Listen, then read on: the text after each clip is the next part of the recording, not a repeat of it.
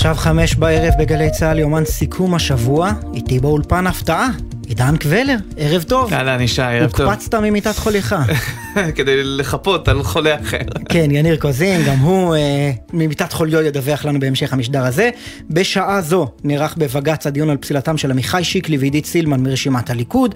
קודם לכן, בדיון שמשודר באופן חריג בשידור חי, דן בית המשפט בפסילת בל"ד, והשופטות חיות וברון טענו שהעתירה לפסילתם רדודה. הגשתם משהו מאוד מצומצם. מתוך תקווה שכנראה מי שהגיש בעבר יגיש גם הפעם ויבסס את התשתית הראייתית, אבל אתם לא ביססתם. נושא של פסילת מפלגה זה עניין רציני מדי אה, מאשר להתייחס אליו כאל מובן מאליו.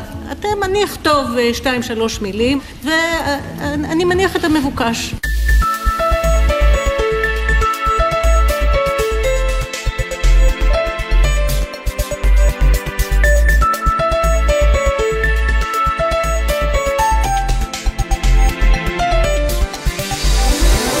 עכשיו בגלי צה"ל, ישי שנר ועידן קבלר, עם יומן סיכום השבוע. מה אתה אומר? אתה רוצה להרחיב קודם כל בנושא הזה, או לדבר על הודעת שר הביטחון שיצא פתאום? בדיוק, אני חושב שאומנם הציבור אה, אה, מחכה בנשימה עצורה לפסיקה כן. בעניין סילמן, וכולם קוראים כל הזמן את חוק יסוד הכנסת סעיף 6א. אנחנו יודעים, הציבור בקיא בסוגיות האלה, כן. אבל עניין הרבה יותר דחוף, אה, ככה קופץ לשולחננו בדקה האחרונה. שר הביטחון גנץ אה, מוציא הודעה שבה הוא מספר שהוא הנחה את צה"ל להיערך להסלמה בצפון. כדי להרחיב על זה, איתנו באולפן, ממש עכשיו דורון קדוש, כתבנו לצבא הביטחון. ערב טוב דורון. שלום לכם, שלום אה, ישי, שלום עידן. תראו, שר הביטחון גנץ מקיים בכל יום חמישי הערכת מצב שבועית, מנתחים את המצב בכל הזירות, בכל הגזרות, אה, ונערכים קדימה לשבוע הקרוב. וההודעה שיוצאת, הודעה די חריגה שיוצאת בדקות האחרונות מלשכת שר הביטחון היא, שבהערכת המצב הזו, שר הביטחון הנחה את צה"ל, את הרמטכ"ל, את ראש אגף המבצעים, להיערך לתרחיש של הסלמה בצפון, הן במאמצי ההתקפה והן והן במאמצי ההגנה נוכח ההתפתחויות במשא ומתן על הגבול הימי. ותראו, זה אומר דבר אחד. נוכח ההתפתחויות במשא ומתן על הגבול הימי, כלומר, אחרי שהלבנונים הגישו את ההסתייגויות שלהם על ההסכם, ולשכת ראש הממשלה לפיד דחתה את ההצעה הלבנונית, יש חשש להסלמה בצפון. בדיוק, כי מבינים שהעובדה שישראל דוחה את ההצעה הלבנונית, ולבנון עכשיו אה, נמצאת במצב שהיא כנראה לא תרצה להתקפל בפני הישראלים, בטח לא אחרי שישראל הוציאה הודעה כל כך מפורשת, כל כך נחרצת, שהיא לא מסכימה להיענות לדרישות הלבנוניות. הסיטואציה כרגע היא שכפי שזה נראה, יכול להיות שלא יהיה גם הסכם במהלך כל החודשים הקרובים, בטח שלא אה, לפני הבחירות, ובמצב הזה אנחנו נשארים במצב שבו אין הסכם במשך כמה חודשים, עד שתקום ממשלה חדשה, ועד שנדע יותר מה קורה שם, ובחודשים האלה נסראללה יכול לעשות כל מיני דברים, ולכן התרחישים שנערכים אליהם בפיקוד הצפון ובמערכת הביטחון, הם תרחישים שהחל מהדברים הקטנים יותר, למשל אה, אה, תרחיש מסוים הוא ירי של רקטות לשטחים פתוחים, זאת אומרת רק איתות אזהרה מסוים, לא במטרה לפגוע באוכלוסייה.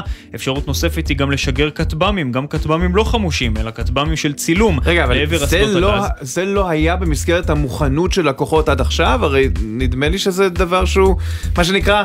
המערכה שבין המלחמות, נכון? נכון, כן נשמרה דריכות מסוימת במהלך כל החודשים האחרונים בזמן שהמשא ומתן הזה התנהל, כי הבינו שנסראללה עלול לייצר פרובוקציות כאלה גם בחודשים האחרונים, אבל זו הייתה הערכה יחסית נמוכה, הבינו שהתרחיש הוא נמוך, ואכן גם באמת עובדה שזה לא קרה. עכשיו ההתפתחות הזו של השעות האחרונות של היממה האחרונה מכניסה את מערכת הביטחון לדריכות של ממש, לא יודעים להגיד מה יקרה, אם יקרה, כן. אבל בהחלט נערכים. ונרגיע את מאזיננו ומאזינותינו, לא צריך לרדת למקלטים ולהמתין ליד המשקוף, פשוט להבין שיש כן, התארגנות. ש... וגם, עוד כוכבית, אנחנו במערכת בחירות. שר הביטחון הוא גם פוליטיקאי שמתמודד בבחירות האלה, ואני מניח את זה על השולחן, אני לא טוען שום דבר. כן, ואני אניח עוד משהו על השולחן. אנחנו, היום, נכון? נערך טקס האזכרה המרכזי? שישה נכון, באוקטובר. נכון? אז, אז בדיוק בעניין הזה אני רוצה לומר שמאז, לפני 49 שנים, כולם מתכוננים כדי להתכונן, כדי כן. שלא ייתפסו. אף אחד לא רוצה להיתפס, לא מוכן. בגדיהם אינם על לא שר נכון, הביטחון ולא הצבא. וצה"ל כבר 15 שנה מדבר על היערכות למלחמת לבנון הבאה, ואנחנו יודעים שסביב הסיפור הזה עם ההסכם הגז, זה עלול להגיע. דורון קדוש, כתבנו לצבא הביטחון, תודה רבה. תודה. מכאן אליך, יניר קוזין, כתבנו המדיני. ממיטת חוליו. שלום, שלום ישי. שלום, שלום, שומעים, שומעים בקול שלך שאתה כן. קצת אה, קיבלת גימלים. כן, תודה רבה לך על כך, על ההבחנה המדויקת הזו, אני מקווה שאתה נהנה עם עידן. תגיד תודה לעידן. אני מקווה שאתה נהנה עם ישי. שהוקפץ פה גם הוא, לא... אני אה, משתדל למלא את החסר. טוב, אני אני לא אצחק, כי אחר כך אני משתעל. בוא נדבר באמת על אה, מה כן, שקורה תקציר עכשיו. הפרקים הקודמים ישראל ולבנון.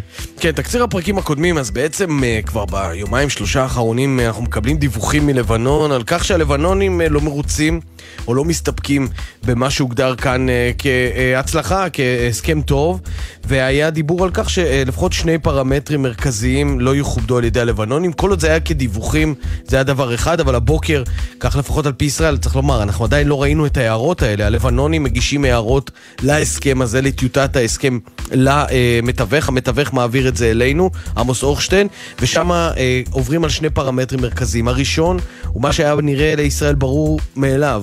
קו הגבול יהיה קו המצופים, מה שמוגדר משנת 2000, ישראל מתחה קו אחד ברור, הוא הגבול מבחינתה. בתוך ההסכם הזה זה היה אמור להיות מה שנקרא הבסיס של הבסיס, שלבנון גם מכירה בו כסטטוס קוו, כלומר גבול שאיננו אה, ניתן לעבור ומכירים בו. אז עכשיו הלבנונים אומרים לא, הם רוצים לשנות את ההגדרה הזאת להגדרה משפטית אחרת. בקיצור, להשאיר את זה כמחלוקת, גם את קו הגבול הזה.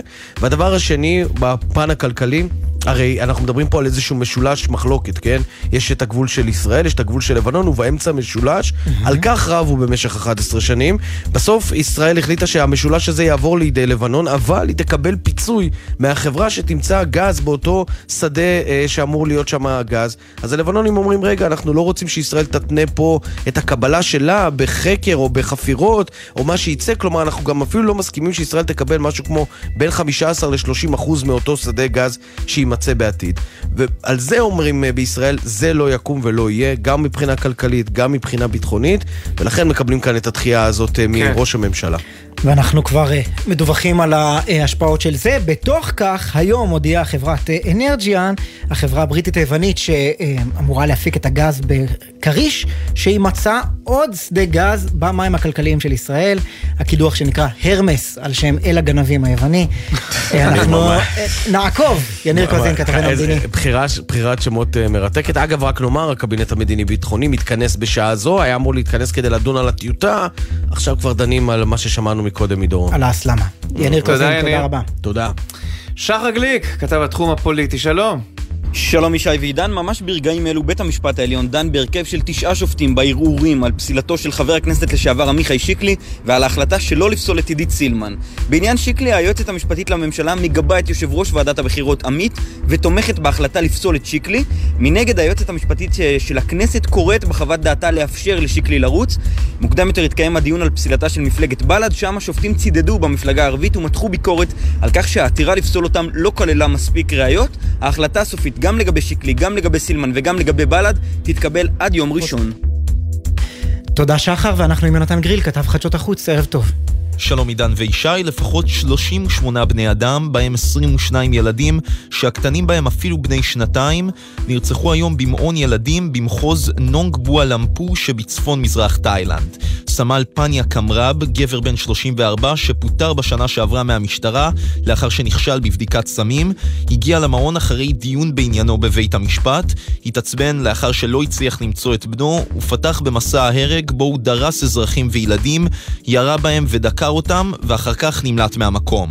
מאוחר יותר הוא רצח את אשתו ובנו ושם קץ לחייו.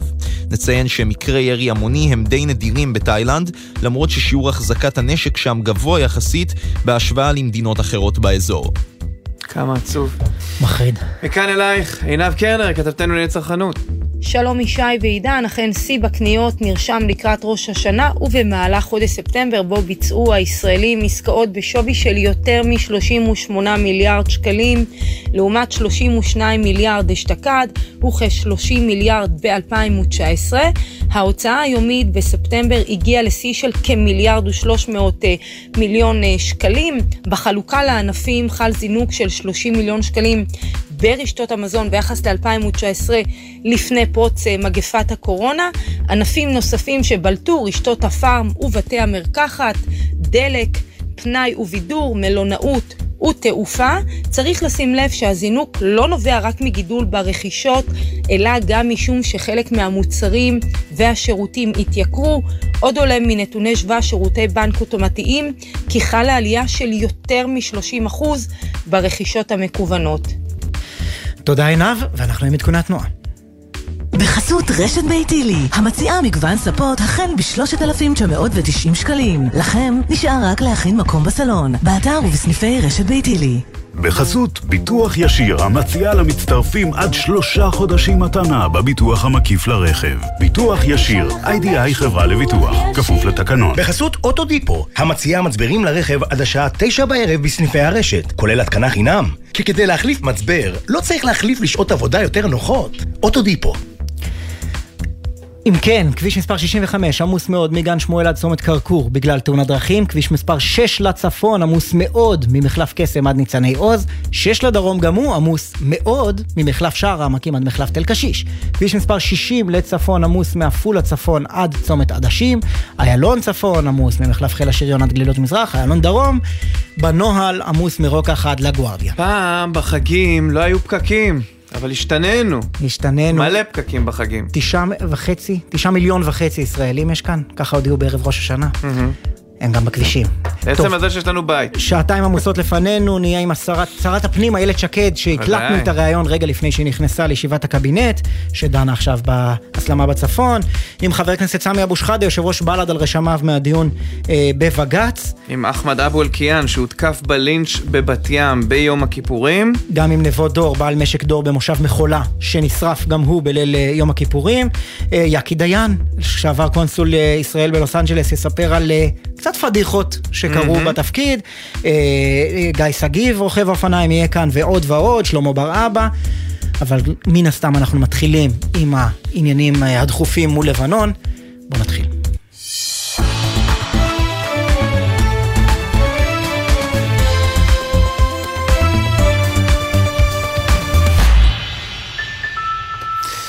שניים איתנו, ג'קי חוגי, פרשננו לענייני ערבים, שלום ג'קי. שלום, ערב טוב לכם. ואמיר בר שלום, פרשננו לענייני צבא וביטחון, שלום אמיר. שלום, ערב טוב. אמיר, נפתח איתך, אמיר, ההודעה של אה, שר הביטחון יוצאת כהודעה רשמית, וכשהודעות כאלה באות כהודעות רשמיות, אתה לא יכול שלא לחשוב שזה חלק מבאמת הערכת המצב השבועית שנערכת, אבל עדיין, כאשר הכוננות מוקפצת, אז אתה אומר לעצמך, אולי כן יש כאן משהו. תראה, אה, זה נכון, אבל צריך אה, לומר, אה, זה הייתי אומר, קורא לזה אפילו רפלקס מותנה של מערכת הביטחון, רפלקס מותנה של שר הביטחון. אי אפשר להתעלם מכך שיש עכשיו איזשהו מתח בין ישראל ללבנון בהקשר, בהקשר הזה. זה בהחלט יכול לדחוק את חיזבאללה לפינה, וישראל צריכה בהקשר הזה להיערך. עכשיו, הייתי אומר עוד דבר, הייתי אומר עוד דבר. כשאתה מתכונן לעימות, אז אתה בדרך כלל עושה את זה בשקט. עצם זה ששר הביטחון מפרסם את זה עכשיו בריש גלי, יש גם לזה משמעות. יש כאן איזשהו מימד של הרתעה כלפי חיזבאללה שאומר שלא תחשבו שאם אין הסכם, ישראל בהקשר הזה נשארת, אה, אה, נשארת אה, אדישה או אה, פגיעה. אני חושב ש-50% מההתר... מהפרסום של הדברים האלה זה גם איזשהו, אה, איזשהו מסר ללבנון. תראה, אני מסתכל על האפשרויות, אני אומר, יש כאן או פוליטיקה חס ושלום, או כסת"ח, או אזעקת אמת. לאן זה נוטה? לא. לא, אני חושב שאתה מחמיר בהכנחות שלך. אתה רוצה אה, שחור, לבן או אפור? אז לא. יש כאן אה, אלף אה, גוונים, אה, יש כאן אלף גוונים של שחור, אם תרצה, ישי. אה, אני חושב שאם אה, זה, אם הודעה, בוא נגיד כך, אם ישראל לא הייתה נערכת בעקבות הדברים האלה, אז אה, היו, כאן, היו מתעוררים כאן סימני שאלה. אני חייב לומר שההערכה היא שנסראללה הלך בהקשר הזה, הערכה בישראל, תכף צ'קי יביא את הצד הלבנוני, אבל ההערכה בישראל היא שנסראללה היה בהקשר הזה, היה בהקשר הזה בלתי צפוי. כלומר, האפשרות הסבירה הייתה שהוא אך ורק מקטין את ההתבטאויות כדי להגיד אחר כך, הנה, אני הצלחתי להביא כאן הישג, אבל העשרה או עשרים אחוז ש... ההערכה הזאת לא נכונה ונסראללה באמת היה הולך לאיזשהו עימות עם ישראל, אני חושב שהאפשרות הזאת הייתה מאוד מאוד אה, מסוכנת מבחינת, אה, אה, מבחינת ישראל, ולכן בהתאם כמובן כל מה שקשור לזהירות הנדרשת. כן, בוא נלך לג'קי עכשיו. אה, עד כמה ג'קי הצד הלבנוני או הצד החיזבאללאי אה, בעצם כמוצא שלל רב בעניין הזה, כשיש את ההשגות בין ישראל ללבנון? כן, מוצא שלל רב בוודאי שלא, אני חושב שהם במבוכה רבה, אבל אני רוצה לפתור לכם את uh, התעלומה כאן uh, ולהסיר כן. את הערפל בדיון שהתחלתם בו, ככה נראית לוחמה פסיכולוגית, פשוט ככה, תשימו לב לעיתוי. ההודעה של גנץ יוצאת uh, בעוד המתווך משקיע מאמץ כביר לצמצם את הפערים, mm-hmm. כלומר המשא ומתן בעיצומו, הקבינט עוד מכונס וכבר שר הביטחון יודע שהולכת להיות הסלמה, אז ככה נראה אמצעי לחץ, ככה נראה אמצעי לחץ, גנץ פשוט עושה נסראללה, זה, זה מה שאנחנו רואים לנגד עינינו לא, בדקות האחרונות. האחרונות. ש, זה לא ששר הביטחון שלנו מאיים על אה, אה, נקודות בלבנון, אבל הוא אומר לצה"ל להיערך להסלמה. לא, הוא אומר לנסראללה, אני, אני אומר לצה"ל אה, להיערך להסלמה כדי ללחוץ את אה, כל המערכת הלבנונית, שהיא לא רק נסראללה, להפעיל לחצים על חיזבאללה, לשתוק בשעות הקרובות או בימים הקרובים, אם וכאשר המשא ומתן אה, ייתקע או, או ייכנס לאיזושהי הקפאה, וזה זה אנחנו עדיין לא יודעים. כי בלבנון, לשאלתכם הראשונה, אחרי האופוריה, בהחלט אפשר לדבר היום על משבר בשיחות, כמה הוא גדול, אנחנו עדיין לא יודעים, אבל אנחנו יודעים שחיזבאללה במצבים כאלה אה, מוציא את נסראללה החוצה לסדרה של נביחות. נו, אז למה הוא נבוך? זה, זה המוצא של אל-רב, העובדה שהוא יכול לצאת החוצה ולומר מה שבא לו. כן, אבל הוא לא רוצה את המצב הזה, גם אם הוא יגיד מה שהוא יגיד בשעות הקרובות. זה נסראללה נראה, ובמקרה הזה אני מאמין לו, ביום שבת, אתה בטח זוכר, עידן את הנאום שלו מיד אחרי הגשת הדוח לשגרירה, שהשגרירה האמריקאית הגישה את הדוח לנשיא לבנון, הוא אה, נראה מאוד טוב והיה מרוצה מאוד, נכון. משום שהמאמץ שלו והאיומים שלו הצליחו. אבל, הוא לא רוצה לחזור חזרה כרגע. אבל אז הגיעו כביכול ההשגות הקונסטרוקטיביות בלבד, כך אמרו לנו כאן בישראל, של נכון. הלבנונים. אה, ישראל דוחה אותם באופן פומבי, איך מכאן הידרדרנו לחשש מהסלמה וניסיון ללחוץ את נסראללה שהוא כביכול בעד ההסכם? זה מאוד פשוט. א', כדאי שנגיד שבשעות האחרונות אכן מתנהלות שיחות נמרצות בקו בין ביירות לוושינגטון, בעוד אנחנו כאן אה, מדברים, כדי לנסות להוריד את הלבנונים מחלק מהתביעות שלהם. בעצם עמוס הוכשטיין המתווך נקלע למשא ומתן מחודש. הגדיר את זה מאוד יפה חבר הצוות, אה, צוות השיחות הלבנוני לפני כמה שעות, אליאס בוסאב, שהוא גם סגן יושב ראש הפרלמנט, הוא אמר 90 אחוז כבר הסכמנו, 10 אחוז הם הבעיה, ה-10 אחוזים האלה הם ההערות של לבנון להצעה האמריקאית, וכרגע מתנהל עליהם משא ומתן אה, מחודש. מצד אחד אה, אוכשטיין מול הלבנונים, מצד שני הקבינט אצלנו שעדיין לא החליט אה, מה שהוא רוצה להחליט, וכמו שהלבנונים אוהבים להגיד, ימים מכריעים, אז אולי לא ימים אלה, שעות בהחלט מכריעים. כן, אמיר.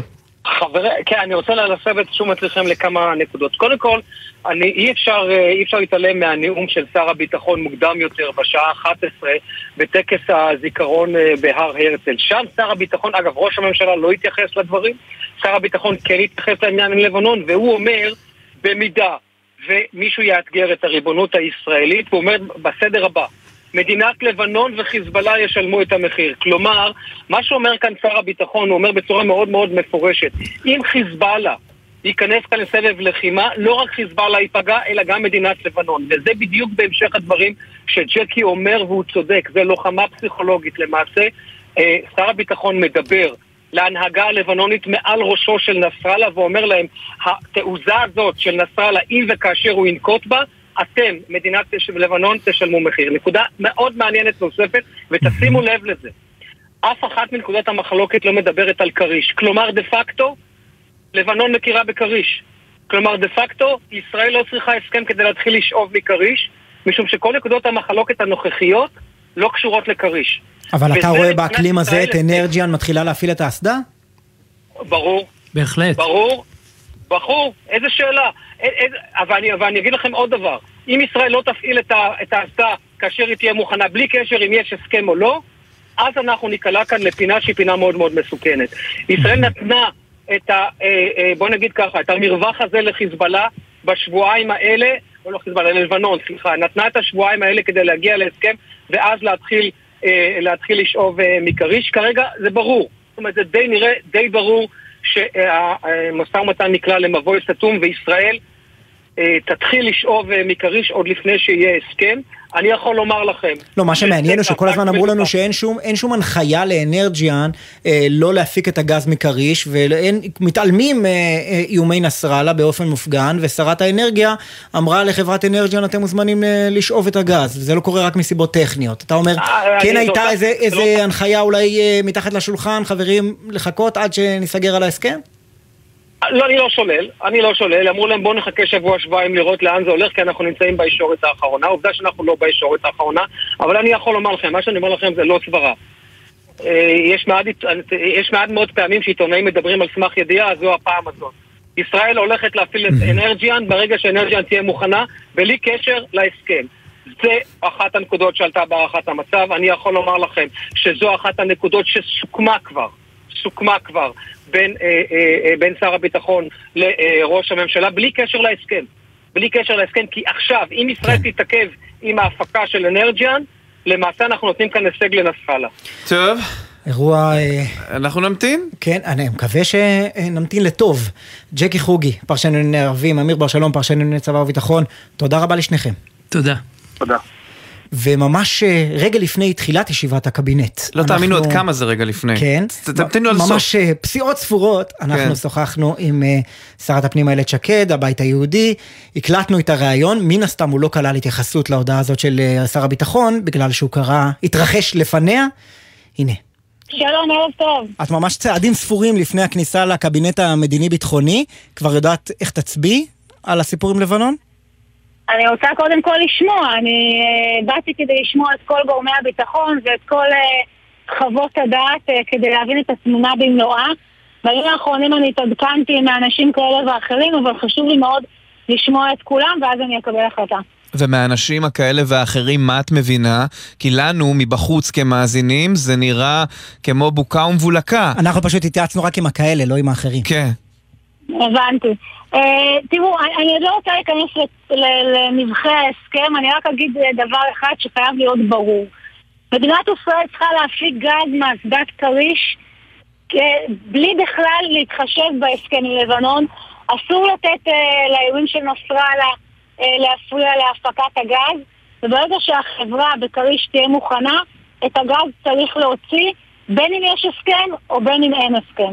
את מאמינה שהחברה עד עכשיו לא הפיקה את הגז הזה נטו בגלל עיכובים טכניים ולא שום קשר לאיומים של נסראללה או עניינים מדיניים? אני, אני מאמינה לזה, אני שאלתי גם את שרת האנרגיה על הנושא הזה, והסיבה ש, שזה יתעכב זה בגלל עניינים טכניים של החברה. ומה את אומרת למי שמנצל את זה פחות מחודש לפני הבחירות, לומר שהממשלה התקפלה, העומדים בראשה, היריבים הפוליטיים שלו התקפלו? הרי בסופו של דבר, גם לך יש עמדה בנושא. תראו, זה עניין שבאמת יכול להוביל לחיי אדם ודיני נפשות, כולם צריכים להתייחס לזה במלוא הרצינות, וכל אחד צריך לומר את דעתו ולנסות לנתק את זה מהמשחק הפוליטי שאנחנו כלואים בו. כי זה באמת, זה, זה, זה גם עניין כלכלי, גם מדיני, גם ביטחוני, וזה גם אה, יכול להוביל לחיי אדם. כלומר, כשנתניהו תוקף את יאיר לפיד ואומר, אה, אה, נסראללה איים ולפיד התקפל, הוא הולך, ב- משחק עם חיי אדם? אני אומרת, אני אומרת שוב, כל אחד צריך להחליט מהי העמדה הנכונה עבור מדינת ישראל. כשמבינים את כל הפרטים צריך לקחת עמדה. מי שמתנגד להסכם הוא לא בהכרח אה, עושה משחק פוליטי, יכול להיות שהוא באמת מתנגד להסכם. רק שאני אומרת שכל הדעות צריכות להילקח ולהיאמר במנותק מהמשחק הפוליטי, אלא לגופו של עניין. לכן אני גם ממתינה עד אחרי ישיבת הקבינט כדי להבין בדיוק את כל הפרטים. אבל יש דעות ויש שקרים, נכון? יש דעות, יש, סליחה, שקרים? כן. למשל, אדם שאין לו מושג מה נעשה בהסכם ומביע דעה ויוצא עם זה לסוג של קמפיין פוליטי. אני לא יודעת למי יש מושג, למי אין מושג. אני יודעת חלק מהפרטים, אני מחכה לישיבת הקבינט כדי לדעת את כל הפרטים, ורק אחריה אני אתבטא. את יודעת למשל כמה הלבנונים אמורים לפצות אותנו? הרי ההסדר אומר, לפי ההסכם, עוד לפני שנדבר על הדחייה של הפרטים החדשים, אה, שיש שם אה, שדה גז, שאם יימצא בו גז, הלבנונים מקבלים את השטח, ואנחנו נקבל פיצוי מהתמלוגים. כמה? לא, הנה, אני אומרת לך, אנחנו לא יודעים עדיין את כל הפרטים המדויקים. בדיוק בגלל זה אני בפתח ישיבת הקבינט כדי לקבל את כל הנתונים, וזה החוסר אחריות לדבר לפני שאני יודעת את כל הנתונים. אני כחברת קבינט לא מתעדכנת מהתקשורת, אני מתעדכנת מחברי המל"ל, מהמזכיר הצבאי ומראש הממשלה החליפי, ואני רוצה לקבל את כל הפרטים ואחר כך אני אדבר. והעובדה שעכשיו לבנון הגישה הסתייגויות, וישראל דחתה את ההצעה החדשה. הסתייגויות, ההסתייגויות בוודאי נדחו על הסף, אין על מה לדבר. צריך להבין גם אה, על אה, מהות ההסכם, האם ההסכם כפי שהוא, הוא מספיק טוב או לא. כן, אבל עכשיו הוא יובא בכלל להצבעה? אני לא יודעת, אני בפתח ישיבת, ישיבת הקבינט, ואנחנו נדע עוד, אה, עוד אה, שם. וזה סביר בעינייך שעד עכשיו השרים לא יודעים דבר, חוץ מהעימותים התקשורתיים?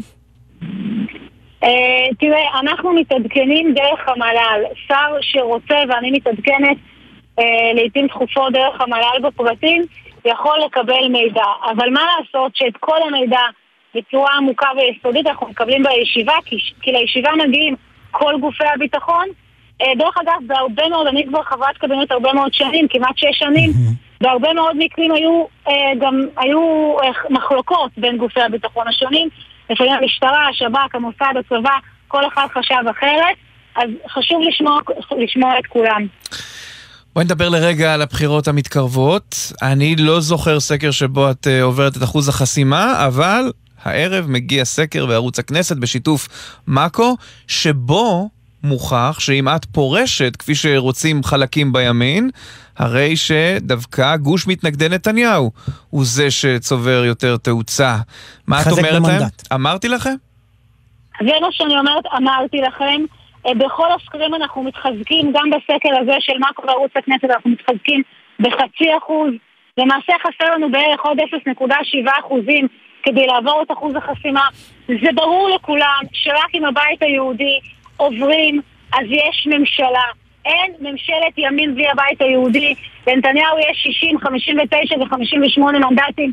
אין לו 61 בלי הבית היהודי. לא יהיה לו 61 בלי הבית היהודי. אבל מה זה אומר על הסקר המצביעים? שלך זה אנשים שמתלבטים בינך לבין גנץ? אני אסביר לך מי המצביעים שלי, והסקר הזה רק מוכיח שאם אנחנו פורשים, מה שלא נמצא על הפרק, כן? אבל אם חלקים בימין שעוד מנסים לעשות קמפיין טיפשי כזה, אם אנחנו פורשים, גוש השמאל מתחזק. ומה זה אומר? זה אומר שיש הרבה מאוד אנשים, גם בציונות הדתית וגם בימין החילוני והמסורתי, שלא רואים את עצמם מצביעים לא לנתניהו ולא לבן גביר ולסמוטריץ' ולאבי מעוז. ואת אומרת הם להם, אני אקח את הקול שלכם ואני אתחבר לבן גביר, אבי מעוז ונתניהו. לא, אני אומרת להם את האמת, אני אומרת להם שאני והחברים שלי, ראש עיריית אה, אה, גבעת שמואל יוסי ברודני, שהוא אחד מראשי הערים הטובים, ועמיתי פורת מהקיבוץ הדתי, וניצנה דרשן לייטנר, שהיא לוחמת מדהימה, דרך אגב, היא לוחמת נגד העברת כספי טרור לארגוני טרור, שאנחנו מפלגה ימנית, אבל אחראית, שהיא לא עושה דברו של איש אחד, והיא לא פועלת לשם האינטרסים של נתניהו, אלא לשם האינטרסים של מדינת ישראל. וזו מפלגה שהיא מתונה באופן דתי, היא לא קיצונית, אנחנו מכבדים את כולם, אנחנו מכילים את כולם, ויש הרבה אנשים שמזדהים עם הערכים של הבית היהודי. לא כזה הרבה, כי, כי הסקר אומר שאם אם את פורשת, הצד המחנה הנגדי מתחזק במנדט, אבל גם אם את רצה, הוא מתחזק בשני מנדטים. לא, אז ממש לא. כי את לא עוברת את אחוז החסימה באף סקר, כמו שעידן אמר. סקר אומר שוב, אם אנחנו רצים ולא עוברים, מפת הגושים לא משתנה, היא סטטית. אם אנחנו רצים ועוברים, לימין יהיה 61, 62 ואולי 63. אם אנחנו פורשים, השמאל מתחזק. זה מה שאומר הסקר, ולכן אני, אני אומרת, גם מי שרוצה שתקום ממשלה, האינטרס שלו לתמוך בנו, וגם מי שרוצה, נציגי ימין, ערכיים, שהם לא עושי דברו של נתניהו, אלא מאתגרים אותו כשצריך, אה, ולא מוכנים אה, להסכים לכל גחמה. אבל בסוף ממליכים אותו, אומרת- אז מה זה עוזר? אם אדם ימני רוצה מנהיג אחר זולת נתניהו, הוא לא יכול לקבל אם הוא מצביע לך דמות אחרת. אין, אין מנהיג אחר כרגע, מכיוון שהוא עומד בראש המפלגה הגדולה ביותר בגוש, במפלגה עם מעל 30 מנדטים, ואי אפשר להחרים מעל מיליון מצביעי ליכוד, ואי אפשר לגרור את המדינה ללופים אינסופיים של בחירות. אני אולי הפוליטיקאית שעשתה הכי הרבה כדי למנוע מערכות בחירות חוזרות ונשנות. גם כשידעתי שהכנסת הזאת מתפזרת, אני היחידה אולי שהלכה לבנט, הלכה לגדעון סער, הלכה לבני גנץ, ואמרתי להם, בואו נקים ממשלה בכנסת הזאת, לא צריך לגרור את המדינה לבחירות. לבחירות אנשים לא מבינים, יש לזה משמעות חברתית וכלכלית כן. הרסנית. אז אם, אם היה לי זמן, הייתי מוכנה לפרט את ההשלכות על יוקר המחיה, על מחירי הדיור. לא, בסדר, אנחנו נשחרר אותך, נשחרר אותך לישיבת הקבינט הממשמשת ובאה, ואחריה כולנו כנראה נהיה יותר חכמים ביחס להסכם הזה עם לבנון, ומה בדיוק אה, קרה היום עם חילופי הדברים בין אה, ממשלת לבנון לבין לשכתו של ראש הממשלה לפיד. אה, בהצלחה שם. השרה איילת הגעתי, אני נכנסת. תודה רבה. תודה רבה. נכנסה? כן, נכנסה. נכנסה לנו ממש בסיום הראיון, ואנחנו כבר יודעים על מה דנים שם מן הסתם. אחרי ששר הביטחון אה, הכין אותנו לכך, כן, בהודעתו. ואנחנו שומעים שראשי המועצות בצפון אה, מוחים נגד ההחלטה שלא תואמה איתם. יכול. להיות שחוסר התיאום הזה דווקא נותן חיזוקים למה שהשמיעו כאן אה, ג'קי ואמיר. שמדובר פרשננו. בלוחמה פסיכולוגית נגד כן, לבנון. אז אה, יכול להיות. עכשיו בוא נעבור לפסיכולוגיה אחרת, אה, שלפיה... פסיכולוגיה משפטית, מתחומך. אם תרצו. כן, תכף אני אחווה את דעתי, יש שם דברים שאני מאוד שמחתי לשמוע ואני אסביר תכף למה אני מתכוון, אבל קודם אליך, שחר גליק כתב בתחום הפוליטי, אתה בבית המשפט העליון והכל קורה שם עכשיו. נכון מאוד, אז יש פה בעצם למעשה אה, שלושה דיונים ברצף, שעוסקים, אה, שלושתם בהרכב של תשעה שופטים, שעוסקים בפסילות מועמדים לכנסת ה-25. אה, אז ממש ברגע זה הדיון נוסף סביב הסיפור של עידית סילמן. מי שעותרים הם גם התנועה לאיכות השלטון וגם מפלגת מרצ נגד השיבוץ של סילמן ברשימת הליכוד. בדקות האחרונות הנשיאה אסתר חיות פונה למפלגת מרצ ואומרת לה שהיא ממליצה להם לבטל, למשוך את הערעור שלהם ובעצם לוותר כן. לסילמן, לתת לה אפשרות אה, לרוץ לכנסת. עכשיו הדיון הוא מול אה, התנועה לאיכות השלטון, כי הם שתי, שתיהן, מרצ והתנועה לאיכות השלטון, כל אחת עותרת בסיבה שונה. במרצ בעצם מסבירים שסילמן פרשה מהסיעה שלה ולכן היא לא יכולה לרוץ לכנסת ה-25 במפלגה קיימת. כמו זה שיקלי. הטענה שהשופטים לא כל כך מקבלים ונראה כרגע שהם דוחים. התנועה לאיכות השלטון אומרת שההסכם מול נתניהו, שהיא למעשה תפרק את הקואליציה ובתמורה לכך הוא ישריין אותה בליכוד, הם, התנועה לאיכות השלטון טוענת קודם כל שיש הסכם כזה, שזה לא ברור מאליו, והיא אומרת הסכם כזה הוא שוחד, אז זה עכשיו אה, מה שדנים עליו. מיד אחר כך אה, הדיון בערעור של אה, חבר הכנסת לשעבר עמיחי שיקלי, שרוצה לבטל את הפסילה שלו מריצה לכנסת. אה, שם למעשה הדרמה המרכזית, כי מה שהיה עד עכשיו, גם בל"ד, היה די צפוי, השופטים אה, למעשה מצדדים בעמדה של בל"ד, ונראה לפי ההערות שלהם שההחלטה, הם יצטרכו לתת החלטה בכל העתירות האלו עד יום ראשון, נראה שההחלטה בעניין בל"ד היא לאפשר להם לרוץ, גם לגבי סילמן נראה שההחלטה היא לאפשר לרוץ, לגבי עמיחי שיקלי יש פה באמת איזושהי מורכבות, אה, וצריך לראות האם השופטים, זה הדיון שיתחיל ממש מיד, האם השופטים הולכים נגד חברם. מה יחליט בג"ץ? בעניין עמיחי שיקלי? אתה רוצה להסביר לנו את המורכבות על רגל אחת? כן, למעשה עמיחי שיקלי פורש, אה, מתפטר מהכנסת אחרי שהוא פרש מסיעת ימינה. השאלה האם ההתפטרות מהכנסת נעשתה בסמוך לפרישה מסיעת ימינה או לא.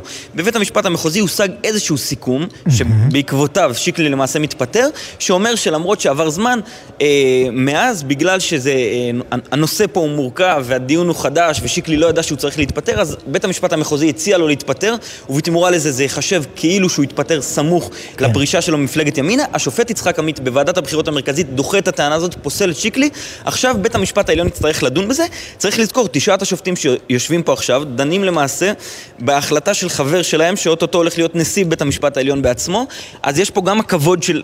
אה, השופט יצחק עמית מונח פה על השולחן אה, והשופטים יצטרכו אה, אה, להכריע בהתאם אליו וגם כמובן השאלה המרכזית, האם שיקלי באמת, אה, האם הפרישה שלו...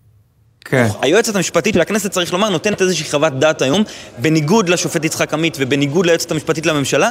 היא אומרת, כן. באופן כללי, פרישה כזאת לא נחשבת בסמוך, אבל פה, במקרה הזה, בגלל ששיקלי פרש בסיכום מול בית המשפט המחוזי, היה אה, סיכום מתואם שממש הגיע- ה- עם היועצת המשפטית לכנסת, כלומר יש פה מחלוקת משפטית, האם 78 ימים הפרישה של שיקלי אחרי ההתפטרות של שיקלי אחרי שהוכרז פורש, נחשב בסמוך או לא נחשב בסמוך, וזו מחלוקת משפטית, בדיוק, אז- שמגיעה אז- לפתחו אז- של אז- בג"ץ בעוד דקות אז- ספורות.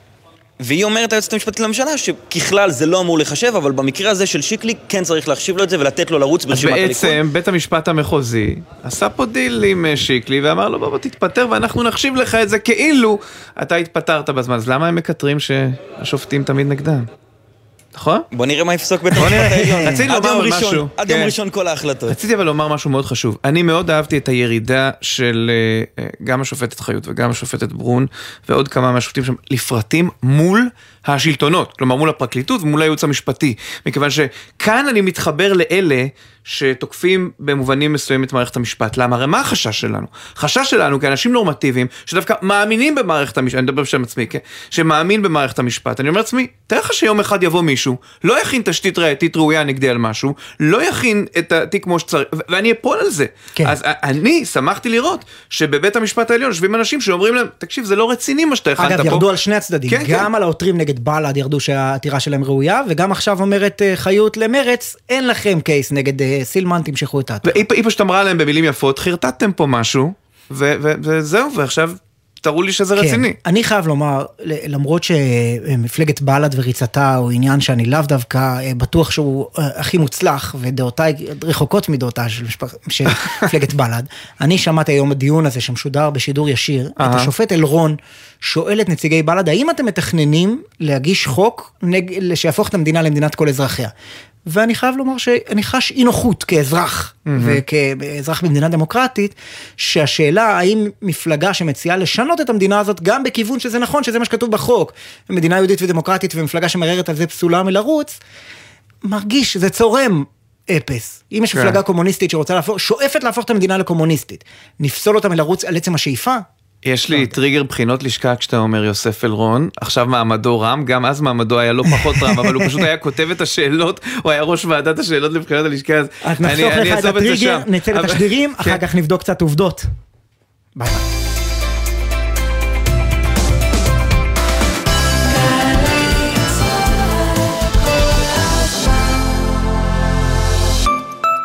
פסטיבל הסרטים הבינלאומי חיפה מזמין אתכם להצטרף לחגיגת קולנוע של פעם בשנה.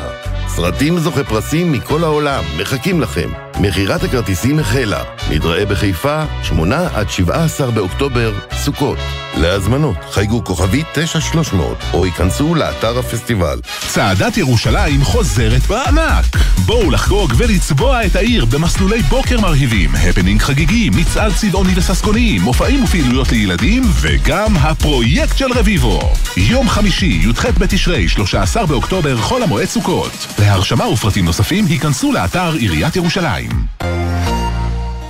מה זה באמת להיות ישראלי? דינה זילבר במסע לתוך הישראליות עם דמויות מפתח בחברה, בספרות ובתרבות. והשבוע, דוד אופק. נראה לי שהייתי נלחץ נורא אם הייתה מצלמה נמצאת עליי, והיו אומרים עליי, תשמע, היום, אתה זוכר שרבת עם אשתך? אז בואו רגע נדון בריב הזה ביניכם, ואולי תשחזרו חלק ממנו, זה אני יכול לעשות, אבל ממש לא בא לי שיעשו עליי. מילים ומשפטים עם דינה זילבר. הערב בשמונה, גלי צה"ל.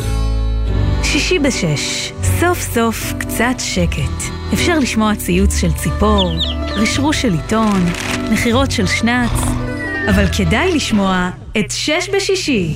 גלי צה"ל בתוכנית חדשה.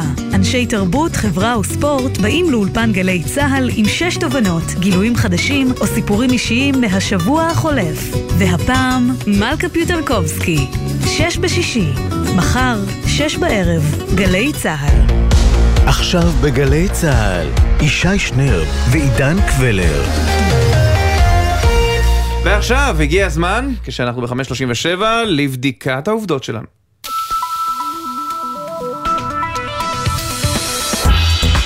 שמע קבלר, אנחנו בתקופת בחירות, ויש אוכלוסייה שעובדת שעות נוספות בימים אלה. מי? הסטודנטים. אה, ודאי. תשמע, כל פוליטיקאי, כידוע, מחזיק סטודנט. וזה למה? כדי שיהיה לו את מי להאשים. אם הקמפיין עושה פדיחה, ו- והיום זה שוב קרה. בדיוק. מפלגת ישראל ביתנו כתבה בעיתון ברוסית, הליכוד הוא מפלגה סק- סקטוריאלית של יוצאי עדות ערב, וראשיה לא עונים לקודים התרבותיים והפסיכולוגיים של עדות אלה. נראה קשה. כן, כן, אני אפילו הייתי אומר קשה מאוד. אה, זאת לשון תגובת ישראל ביתנו. הם הבהירו שמדובר באמירה שאינה על דעת המפלגה, ולכן ברגע שנודע להם הדבר, הוחלט להפסיק את ההתקשרות עם כותב המאמר בקיצור ישי. בקיצור ישי זה לא הם, זה הסטודנט. וזאת לא המפלגה היחידה שסובלת מבעיית הסטודנטים. סגירת הרשימות מסמלת עליית שלב בקמפיינים השונים.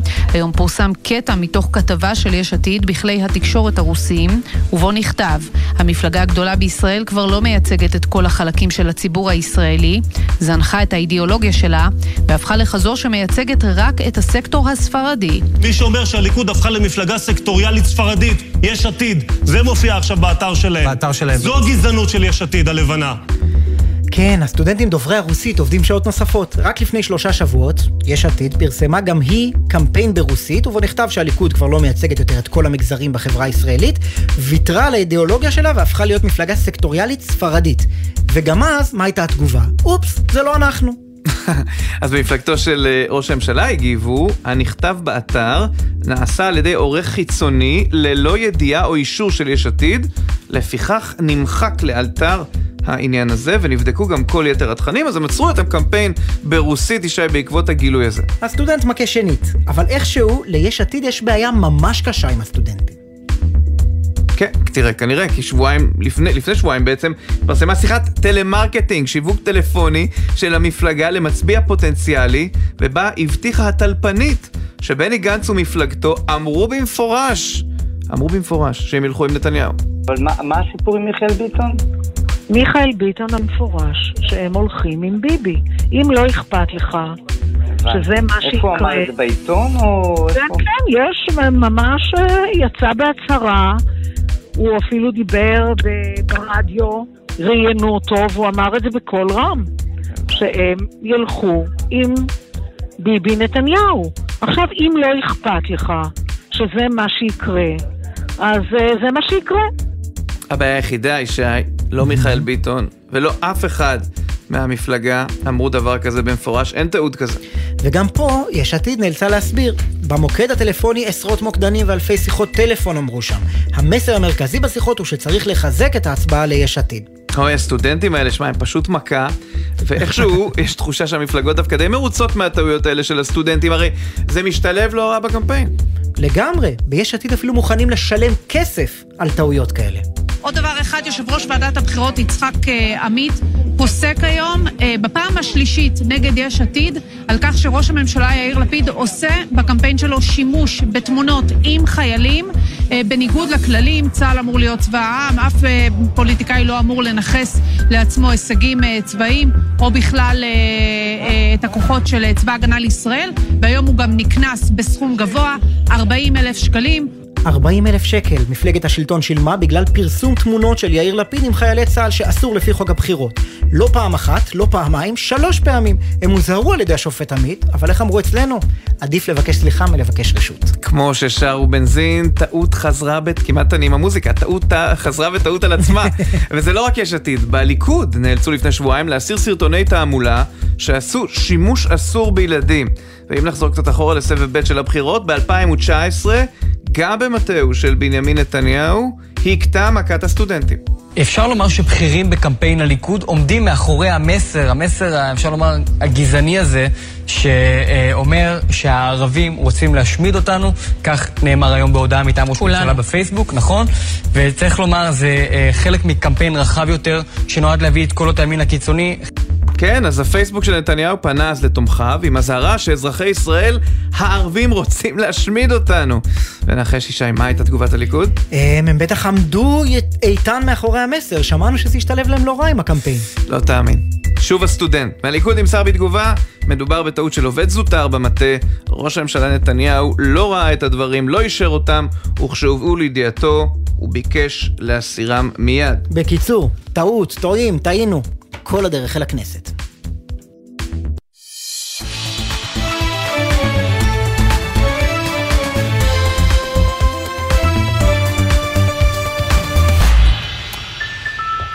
חוזרים לענייני פסילות המפלגות, ויש מישהו שאולי הוא לחוץ בזמן, אבל הוא יכול אולי לנשום לרווחה.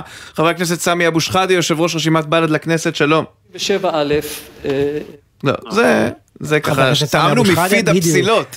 זה נחמד, אבל עכשיו אתה איתנו. שלום אדוני.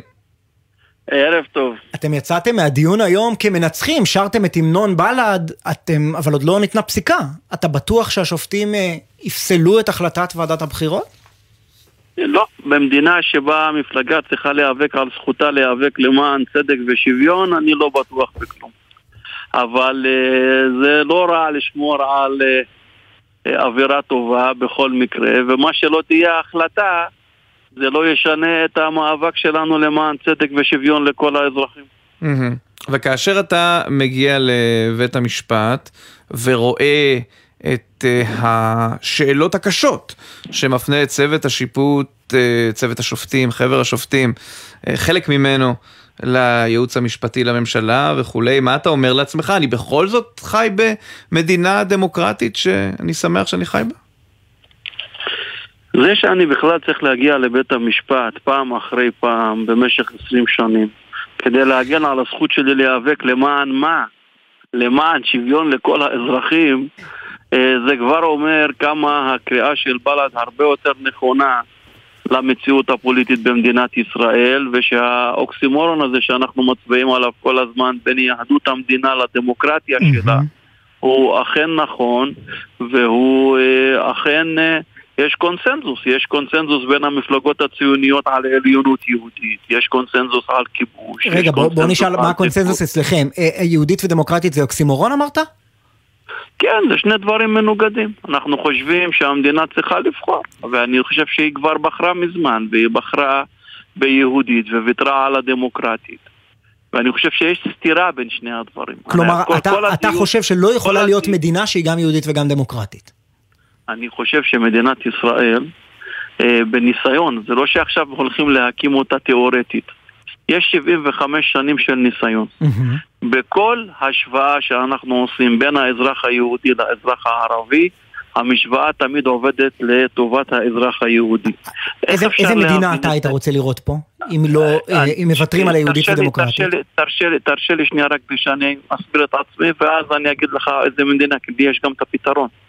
כשאני משווה בספורט, כשאני משווה בתרבות, כשאני משווה באדמות, כשאני משווה בכל, בכל דבר, בכל, בכל דבר שאפשר להשוות בו בין האזרח היהודי לערבי, תמיד מצב האזרח היהודי יותר טוב פי כמה וכמה, מה שאומר שיש משהו מבני לא תקין. לא, אבל למה זה חשוב? עכשיו, למה אם, זה חשוב? אם, כי, אם, כי השופטים היום צריכים להחליט האם המפלגה, מפלגת בל"ד, המפלגה שלך, פסולה מלרוץ לכנסת.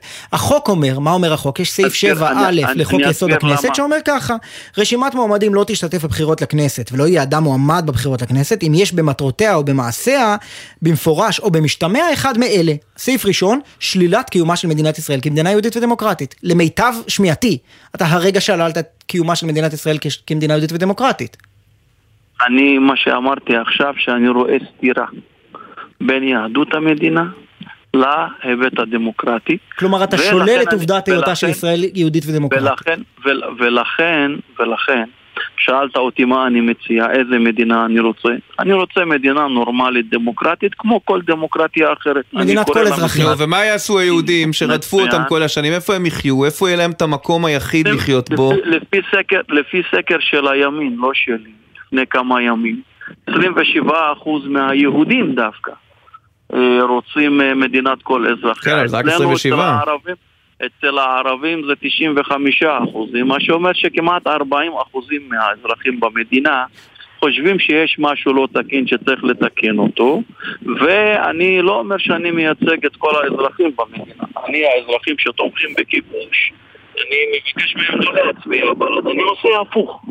אני אומר לאלה שרוצים עליונות יהודית, לאלה שחושבים שהיהודים פשוט נולדים יותר טובים ומאמינים בגזענות הזאת, אני אומר להם, הכתובת שלהם היא לא בל"ד. לאנשים האלה יש הרבה כתובות אחרות. למי שמאמין בצדק, בשוויון, בדמוקרטיה, בערכי זכויות אדם באשר הוא אדם. Mm-hmm. לא משנה איך התפלל סבא שלו בפולין במאה ה-19 ואיך סבתא שלו התפוללה במרוקו במאה ה-18. בהיותו אדם, הוא זכאי לשוויון. זה דבר שהוא טריוויאלי. זה שאני צריך להגיע פעם אחר פעם לעליון, זה הדבר ההזוי. בשביל מה? לא בשביל לעשות איזשהו שינוי מהפכני דרסטי. אני מגיע כל פעם לעליון בשביל לשמור על הזכות שלי להיאבק למען שוויון בעתיד. כן, אבל השאלה היא גם איך נאבקים.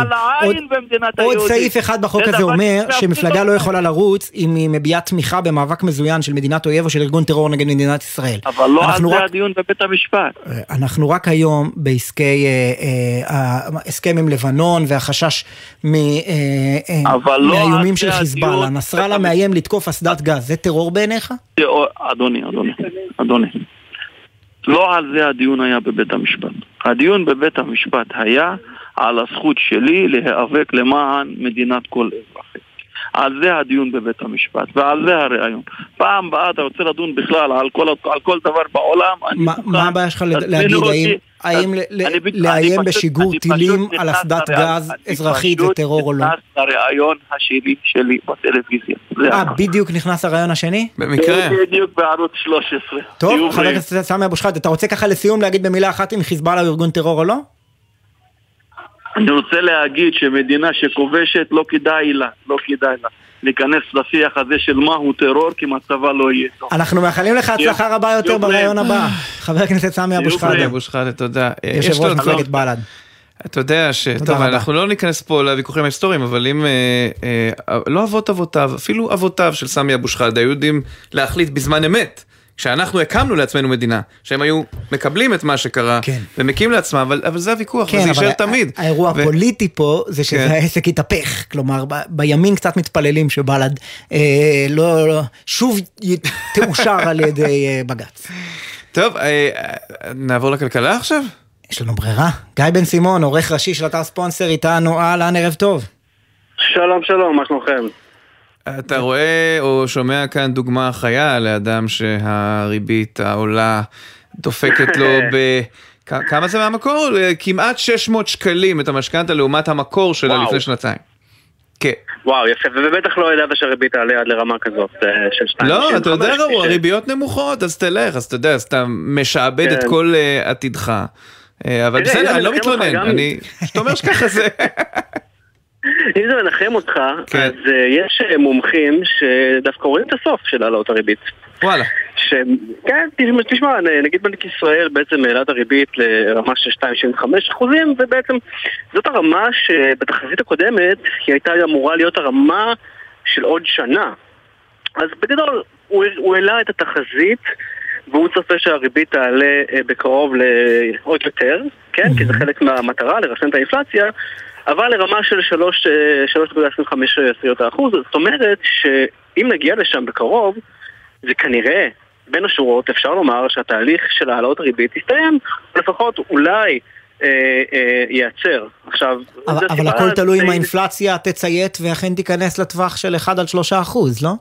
יפה, יפה. אז, אז, אז אה, באופן מפתיע, נגיד בנק ישראל סיפק גם, חטיבת המחקר סיפקה תחזית לשנה הבאה, ובבנק ישראל צופים שהאינפלציה תרד, אפילו מעבר לתחזיות של שוק ההון. עכשיו, נוצר פה מצב מעניין, כי שוק ההון בעצמו עדיין לא קונה את התחזיות האופטימיות של, של בנק ישראל, ובשוק, אה, אתה יודע, התחזיות לאינפלציה מתומחרות על ידי שוק האג"ח וגם ציפיות, אז הם צופים שזה לא יהיה כל כך אה, מהיר. אבל בנק ישראל סמוך ובטוח שזה הולך לקרות בעוד שנה. ברמה של עוד כמה זמן? בשנה, ב-2023. עכשיו, מה אגב, יקרה? מה יקרה? הרי המצב של האינפלציה בישראל הוא לא טוב, אבל הוא יותר טוב ממדינות אחרות.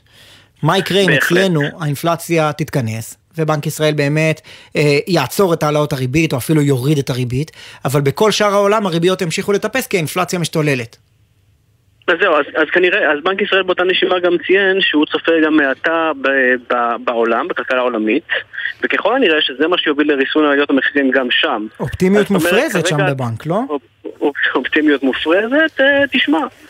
אני סבור, סביר להניח שמחירי האנרגיה, אה, אה, אה, בייחוד מחיר הנפט, אולי לא יישארו ברמות שראינו בחודשים האחרונים, אבל אתה יודע, מי יודע, בכל מקרה, ההאטה ויותר יותר נכון השווקים עברו מלחשוש מאינפלציה ללחשוש ממיתון. אז אנחנו רואים גם ירידה חדה במחירי השילוח הימי מעבר לים, אנחנו רואים בעצם שהעולם כבר לא חושש מאינפלציה, הוא חושש יותר מהמיתון. וזה יגרום לש- לשחקנים להדק את החגורה מעבר לים.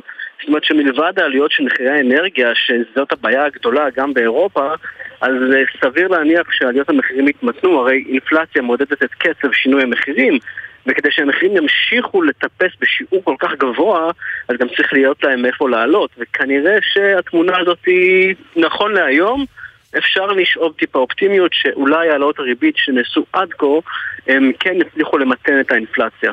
זאת, זאת בערך התמונה הכללית, אבל אם אנחנו מסתכלים על ההודעה הלקונית, אז כן, בנק ישראל צפוי להמשיך להעלות את הריבית, זה, זה, אתה יודע, מה שאמרתי עד עכשיו זה בין השורות שנאמרו במס...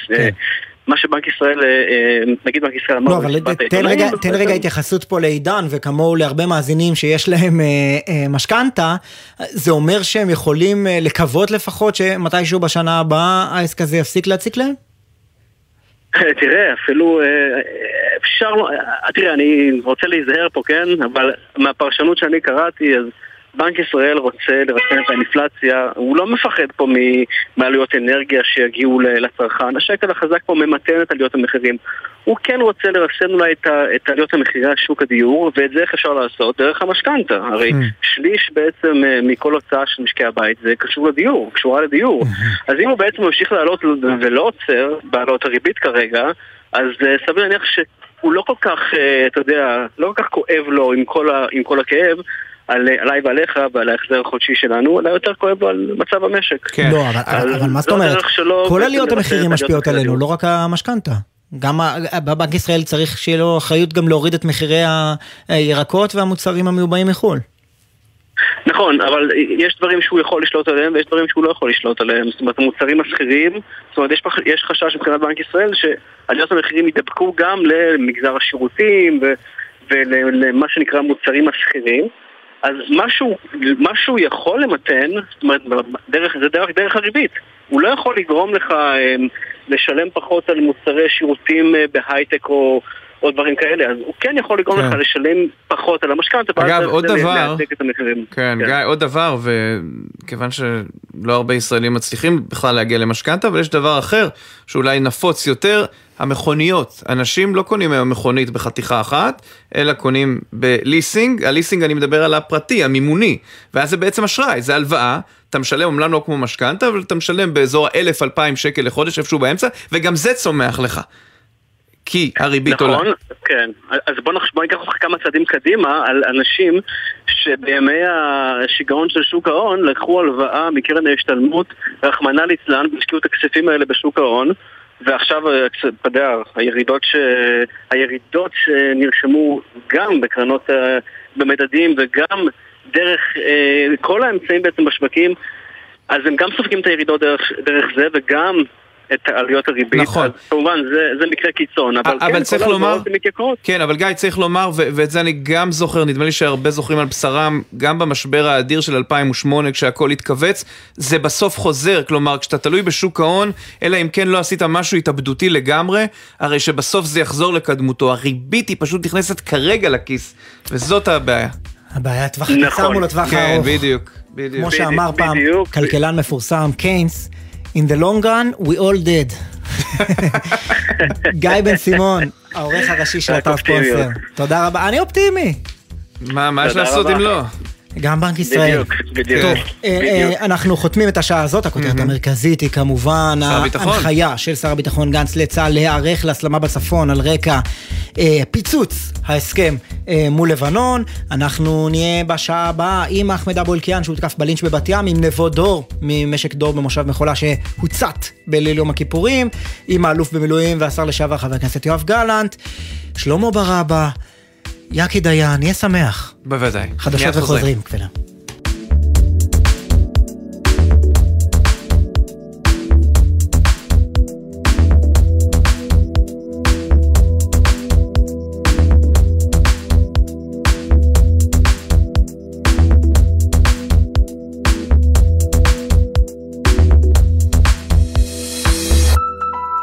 בחסות חברת מחסני חשמל, המציעה מבצעים על מחשבים ניידים, טלפונים חכמים, קונסולות משחק, מחשבי לוח, אוזניות, והכל במחירי מחסני חשמל. בחסות אייס, המציע את אייס סייל. עד 50% הנחה במחלקת ריהוט הגינה והמרפסת. אז למה להישאר בפנים? בסניפים ובאתר. אייס. בחסות ביטוח ישיר המציע למצטרפים עד שלושה חודשים מתנה בביטוח המקיף לרכב. ביטוח ישיר, איי-די-איי חברה לביטוח, כפוף לתקנון. נשמע, נשמע, סוף השבוע,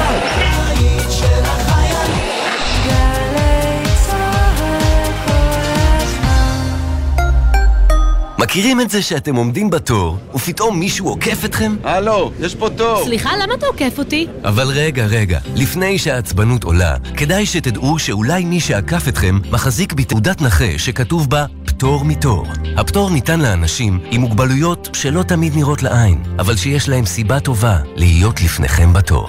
ולכם? לכם יש סיבה טובה להיות רגועים. ביטוח לאומי לצדך, ברגעים החשובים של החיים. ייי, חגי תשרי! בואו להיות תל אביבים לכמה ימים ולחגוג איתנו את השנה החדשה. מגוון הטבות במלונות, במוזיאונים ובסיורים עירוניים. למידע ייכנסו לויזית מקף tlv.co.il איפה אנחנו? איך נכנסנו לפקק הזה? למה נסעת מפה? עזוב את הטלפון עכשיו, אתה נוהג! מוכר לכם? בזמן הנסיעה עם המשפחה, מכניסים מראש ליישומון הניווט את מסלול הנסיעה המתוכנן, כולל מקומות העצירה בדרך, ונמנעים מכל התעסקות בטלפון הנייד.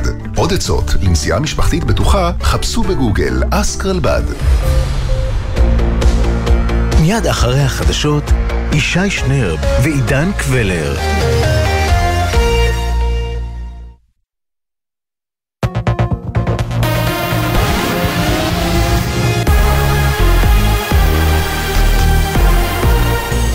גלי צה"ל השעה 6, שלום רב באולפן מרים בלוך עם מה שקורה עכשיו. שר הביטחון בני גנץ הנחה את צה"ל להיערך לתרחיש של הסלמה בצפון נוכח ההתפתחויות במשא ומתן על הגבול הימי עם לבנון. עם הפרטים האחרונים, כתבנו הצבאי דורון קדוש. בהערכת המצב השבועית שהתקיימה בראשותו, שר הביטחון בני גנץ הנחה את צה"ל להיערך לתרחישים של הסלמה בגבול לבנון, הן במאמצי ההתקפה והן במאמצי ההגנה. ההיערכות תבוא לידי ביטוי בחיל האוויר, בחיל הים וגם בכוחות היבשה של פיקוד הצפון, זאת בעקבות הדחייה הישראלית של הדרישות הלבנוניות במשא ומתן, שעשויה לדחות את ההסכם בחודשים הקרובים. הקבינט המדיני-ביטחוני דן כעת בטיוטה המתגבשת למתווה הגבול הימי בין המדינות.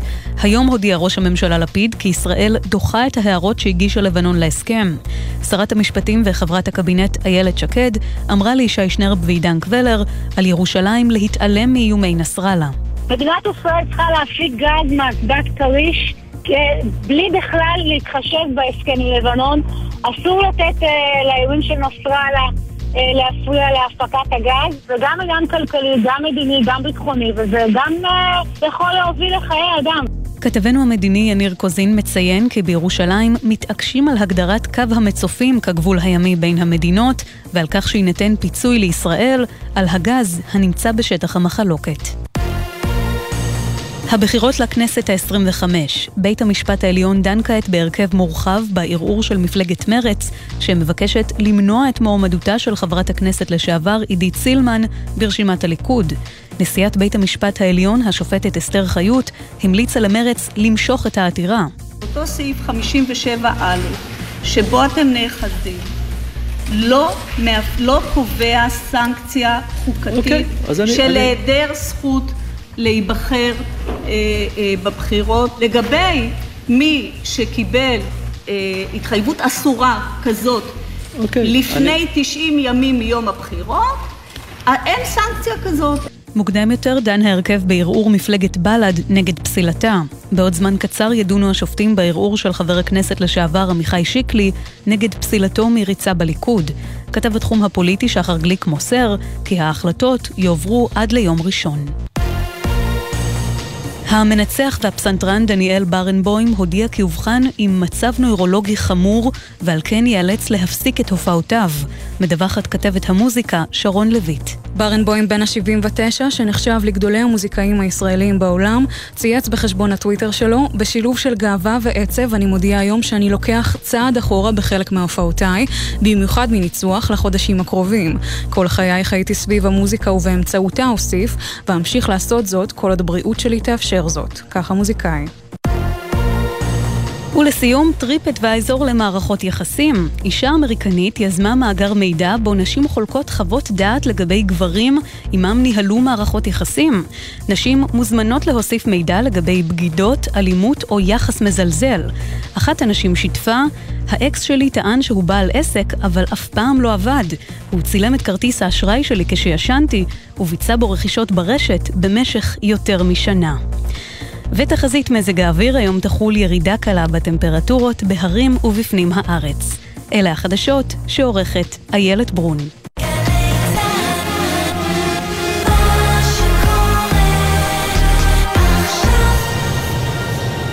בחסות רשת ביתילי, המציעה מגוון ספות החל ב-3,990 שקלים. לכם נשאר רק להכין מקום בסלון, באתר ובסניפי רשת ביתילי. בחסות הפניקס סמארט, המעניקה עד 45% הנחה בביטוח המקיף. כוכבית 5432, או חפשו הפניקס סמארט בגוגל. כפוף לתקנון המבצע, הפניקס חברה לביטוח בע"מ. בחסות אוטודיפו, המציעה מצברים לרכב עד השעה 9 בערב בסניפי הרשת, כולל התקנה חינם. כי אין סיבה לשרוף את שישי במוסך. אוטודיפו. עכשיו בגלי צה"ל, ישי שנר ועידן קבלר.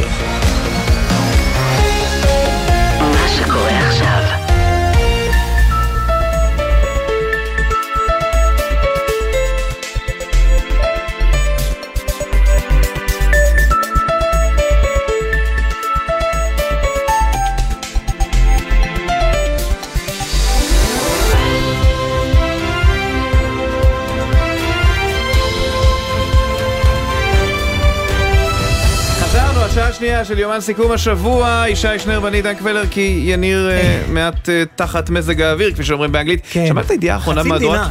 הידיעה האחרונה במהדורת החדשות אה, מדברת על כך שנשים בארצות הברית, כמדומני, פתחו TripAdvisor למערכות יחסים, כלומר, מחווים דעה ויוצרים מאגר של גברים שהם כנראה בני עוולה במובן מסוים. עכשיו, אם זה באמת... וש, ושטוב שאנשים ישתפו ביניהם מידע לגבי כן, הדברים האלה. אז אם באמת מדובר בנוכלים כאלה שגנבו כרטיס אשראי או צילמו זה דבר אחד, אבל אם זה יתחיל להיות לגבי כל בן אדם ואיך הוא מתנהג בדייט כזה או אחר או משהו, אנחנו הולכים פה עוד שוב לאבד את זה.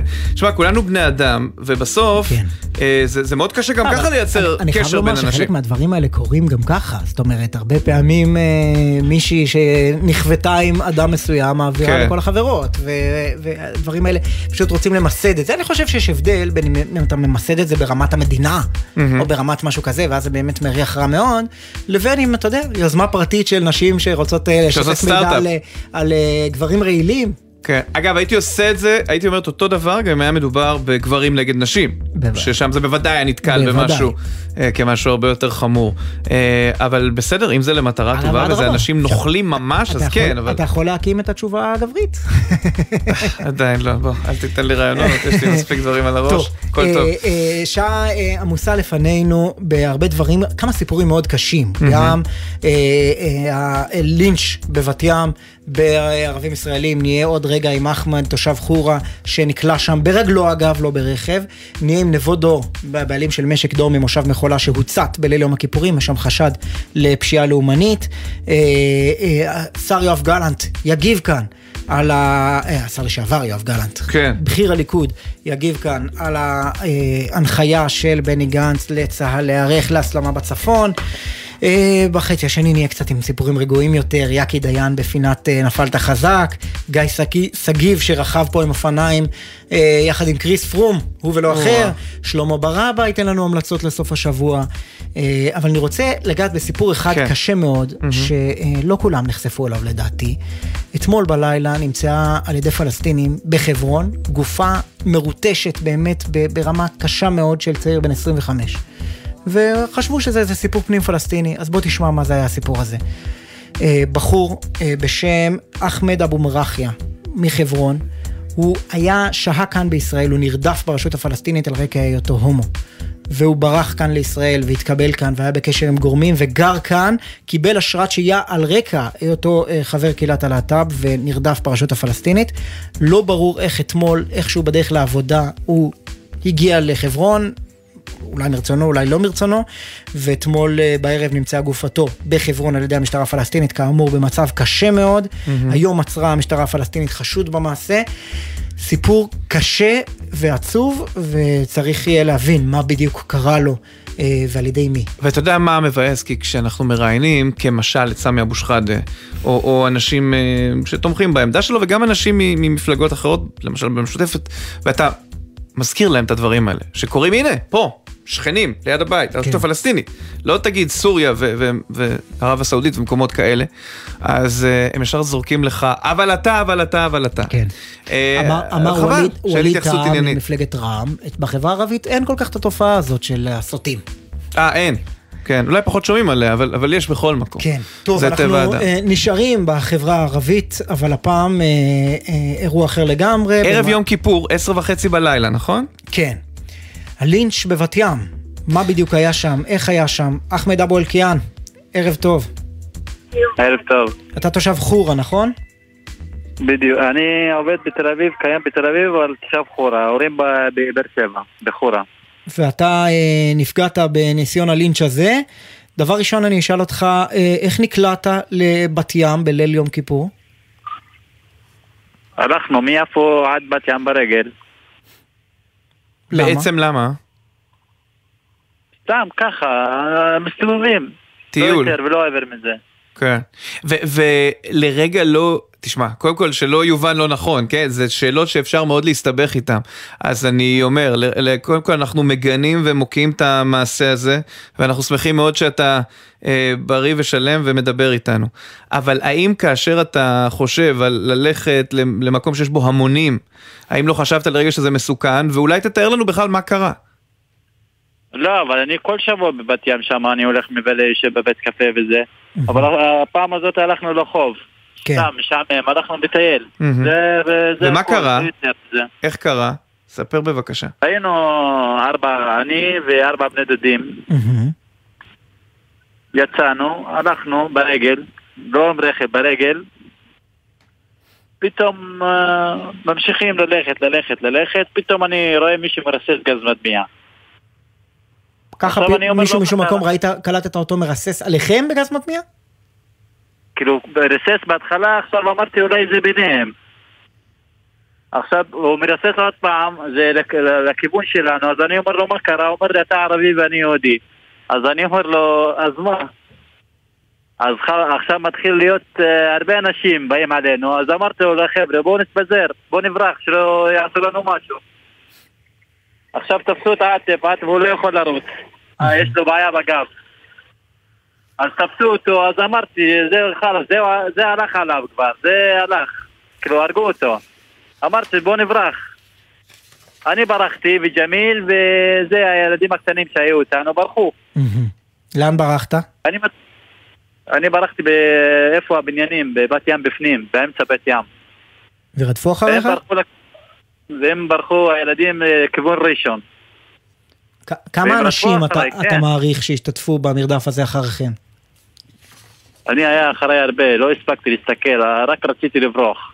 זה מה שהיה מעניין. ואתה אומר שהייתם תמימים לגמרי, לא, לא עשיתם כלום, לא פתחתם בשום דבר, לא, לא מוזיקה, לא רעש, לא לא שום דבר. שום דבר, שום mm-hmm. דבר, שום דבר. כמו אנשים שהולכים, אנחנו הולכים. אם היינו עם רכב זה נכון, סבבה, הם צודקים. אני חושב שגם עם, גם עם רכב זה אמנם אה, לא רגיש ולא אה, אה, לא, לא, הגון לא, לא, לעשות, לא, אבל אף אחד לא צריך אה, לעשות, אה, אבל... המון לא צריך להכות אתכם. רגע, הצליחו לפגוע בכם אחמד? אני מי שפגע בי, כאילו נתן לי מכה מאחורה, שנגע בי במכה אז אני התחלתי לרוץ. אז ראיתי אחד עם סכין ואחד עם דוקרן, אמרתי זהו, זה המוות, עכשיו אני אמות פה אז אני עדיף לי לברוח. כמה זמן ברחת ככה? 20 דקות פריצה. וואו. וחלק מבני הדודים שלך פונו לוולפסון? אה, אה, הם ברחו, ההוא קיבל חתך אה, בגב, מישהו חתך אותו בגב והוא ברח עם החתך וג'מיל גם נדקר ברגל מלמעלה. עכשיו, אחמד... ג'מיל היה איתי. ג'מיל היה איתי בריצה. כן, אתה יודע שהסיפור הזה, מדברים עליו בתקשורת מאז אתמול בערב, מצאת, עם צאת יום הכיפורים כולם שמעו עליו, ו, והעם מתחלק חצי חצי. חלק אומרים אה, בושה וחרפה שעשו את הלינץ' הזה וככה פגעו באלימות קשה. וחלק אומרים, מן הסתם אם הם הסתובבו שם ביום כיפור בלילה, כשכולם ברחוב צמים ושומרים על היום הקדוש, הם לא היו תמימים, והם התגרו, או אה, שממו פתאום? מוזיקה, או פתאום? עשו איזה משהו. אתה יכול מה- להגיד לנו בוודאות, לא היה שום דבר, סתם הלכתם ברחוב? אני, אני אומר לך מה שהיה שם בדיוק. לא יותר ולא עובר מזה. אבל- לא היה מוזיקה ולא היה כלום. אבל ידעתם ש- דבר, ש- אה? שבית הקפה שדיברת עליו, ידעת שהוא סגור, הרי יום כיפור. אני יודע שהוא סגור, אבל אנחנו, אנחנו הולכים על החוף. אה. אז אני, אני ק- קיים פה 12 שנה, כל כיפור אני מסתובב רגיל, כמו אנשים. לא עושה רעש, לא, לא מוזיקה, כאילו, אני מכבד את החג הזה. כן. גם בשנה שעברה הלכת לבת ים ביום כיפור? לא, הייתי ברוטשילד. אני מכבד את זה. לא נוסע עם רכב, לא נוסע עם שום דבר. לא עושה מוזיקה, לא כלום. אנחנו חיים ביחד כבר. אני כבר איתם 12 שנה. פה בתל אביב. אני רואה אותם יותר מההורים שלי. אני כל חצי שנה נוסע הביתה לדרום. טוב. להורים. והאירוע הקשה הזה יש- ישפיע עליך לעתיד? אני רואה הזיות בלילה לפעמים. כאילו, דבר כזה לא עבר עליי 12 שנה, אני אומר לך, דבר כזה לא עבר עליי 12 שנה. בכל החגים אני איתם, כאילו רגיל. פתאום החג הזה לא יודע מה קרה. אחמד כאילו, אם. עשינו משהו, אם, אם עשינו משהו לא בסדר, הם צודקים, אין לי בעיה, אני איתם. אם נכנסנו עם רכב, אם התחלנו לצעוק, אם דיברנו לא טוב, אתה אומר שום דבר לא היה, פשוט הלכתם? אגב, איך- איך הוא זיהה שאתם ערבים? לא, מאיפה אני יודע? הוא אומר אתה ערבי, אז אני אומר לו אז מה, כאילו, רגיל, אני כל שבוע בבת ים, מסתובב, הולך, אני והחבר'ה, אחמד, כאילו רגיל. אחמד אבולקיאן. זה, זה, זה דבר מוזר לי. כאילו 12 שנה אני לא עברתי דבר כזה. בהחלט. תושב אה, חורה, שהותקף בלינץ' בבת ים במהלך יום הכיפורים. תודה שדיברת איתנו. תודה. ומבת ים אנחנו עוברים אה, לבקעת הירדן. מכולה, במהלך אה, ליל יום הכיפורים הוצת כל אה, התבואה החקלאית שאספו במשק דור. אה, במשך תקופה ארוכה, בדיוק תכננו להוציא אותה לשיווק. ממש מפעל חיים של משפחה אה, ואתה יודע- נשרף כליל. אמרת קודם פשיעה לאומנית, לדעתי אפשר לקרוא לזה פיגוע חקלאי. זה אולי, אה, אתה יודע, בפשיעה יש משהו שהוא נותן יותר אירוע פלילי, למרות כן. שהוספת את יש- הלאומני. יש תמיד בעיה אבל- עם פשיעה חקלאית שלא בטוחים בדיוק איך לסווג את זה. כן. האירוע הזה הוא באמת נוטה יותר לצד הלאומני, ועוד מעט אה, נבין בדיוק אה, למה. נבו דור איתנו, בעל משק דור, מושב מחולה. שלום לך, ערב טוב. שלום, ערב טוב. האש כבר כובתה? אה, אני פה בהפגנה עם אה, אנשים יקרים בכביש 90 שבאו לחזק ולתמוך. האש עדיין אה, מעשנת בבית האריזה. אה, היו פה היום אה, עשרות אם לא מאות אנשים שבאו לחזק, לתמוך. מאוד מחזק ומעודד. אבל כן, האש הזאת בערה מאחת וחצי בלילה של ליל כיפור. וכילתה לנו את מפעל החיים, כמו שאמרתם. זהו, מתסכל, אחי. בעיקר אה, איבדנו היום את אה, תחושת הביטחון. ההרגשה המרכזית שלי, שאין... אה, הייתם חשופים לדברים ש- כאלה בעבר? היו התראות? חששתם מפני דבר כזה? לא, לא קיבלתי שום התראות, לא טלפונים, לא מפוצח עם אף אחד. נזקים, נזקים אנחנו מכירים למכביר בבקעה, עבדנו מזה המון שנים. אבל אה, לאחרונה היה יחסית שקט פה, הגברנו פה את השמירה, כמובן על חשבוננו, לא, לא, מדינה, לא, לא מדינת ישראל דואגת לנו, אלא אנחנו אדונים לעצמנו, משלמים פה לסיירים שישמרו תצפיות. וזה ההבטחה שיש לנו על המקומות שאנחנו אה, מתפרנסים מהם. ומצלמות האבטחה כבר ככל הנראה הצליחו אה, לצלם שניים שאולי הציתו את, ה, אה, המשק שלכם. אתה יכול לספר לנו על מה שנשרף שם? נשרף קודם כל המבנה עצמו, בית אריזה חדש, עם חדרי קירור. יש בפנים מכונות אריזה שבהם אנחנו עובדים את התוצרת שאנחנו מגדלים אה, ירוקים אורגניים. אה, אז כל מכונות האריזה אה, הלכו לחלוטין. וסחורה במיליוני שקלים. גם סחורה שלנו, גם סחורה שעשינו מיון לחקלאים אחרים. יש ביטוח מפני דבר כזה? יש, אה, יש ביטוח, אבל לא מכסה את כל, ה, אה, את כל הדברים, בטח לא הכנסה עתידית של- מלקוחות שאנחנו לא, לא נוכל למכור להם את התוצרת, יצרנו הזמנות, אה, וגם חלק מה, מהפריט שאנחנו מיד לא נכנס במסגרת הביטוח. מה התביעה שלכם מהמדינה? התביעה שלנו מהמדינה זה קודם כל לקחת אחריות. אה, לא יכול להיות שאנחנו עושים הכל כמו שצריך, שמים מיסים, אה, מאבטחים את עצמנו, שומרים על עצמנו, מפעילים מערכות אזעקה, כיבוי אש והכל. ברגע אחד שני מנוולים מחליטים לגמור עלינו ו- ואף אחד לא- ואף אחד לא ייתן את העזרה הנדרשת. דורשים אה, עזרה מיידית, וכבר מתגייסים פה אנשים לעזור לנו, עשינו פרויקט גיוס כספים, אה, כבר עברנו את המיליון שקל. וואו, אה, יש כבר, אה, אה, מי- למי ששומע אותנו, יש מיזם גיוס כספים באתר ג'יי גיב, לתרום לכם אחרי הבאמת אירוע קשה הזה. תגיד נבו, איך גילית על ההצתה? מתי זה קרה? באחת וחצי, הטלפון שלי תמיד עלו גם בחג, אנחנו משפחה דתית, אבל בגלל הדברים האלה אני הולך כל הזמן עם טלפון. ברגע שיש פריצה או איזשהו גלי עשן שנכנס לעבודה, זה מצלצל אליי לטלפון ולעוד מישהו. אה, זהו, מיד אה, הזעקנו את הכיבוי. הכיבוי הגיע די מהר, אבל אה, עם הרוח שהייתה והתנאים שהיו והחומרי בעירה שהיו שם, חומרי אריזה מאוד דליקים, לא היה סיכוי. פשוט תוך זמן קצר כל הבית אריזה בעם. ואתה פשוט עומד מול זה ורואה את מפעל החיים שלך נשרף? חסר אונים. חסר אונים, מסתכל, לא לי להתקרב. אה, 11 צוותי כיבוי עבדו על השרפה הזאת, רק עכשיו עוד יש פה אש. נבו דור, בעל משק דור במושב מחולה שנשרף בליל יום הכיפורים, תודה רבה. תודה רבה לכם. טוב. אה, יש לי כותרת בשבילך, כן. שמזעזעת את עולם הספורט, והוא עוסק בה ממש ברגעים אלה, ממש בדקות האחרונות מתפרסם בארגנטינה ראיון עם לאו מסי, מי שעורך אותו הוא העיתונאי הארגנטיני פויו ויניולו, ומסי נותן לו שתי כותרות. האחת, המונדיאל, גביע העולם בקטר, בוודאות יהיה האחרון שלי, אומר מסי.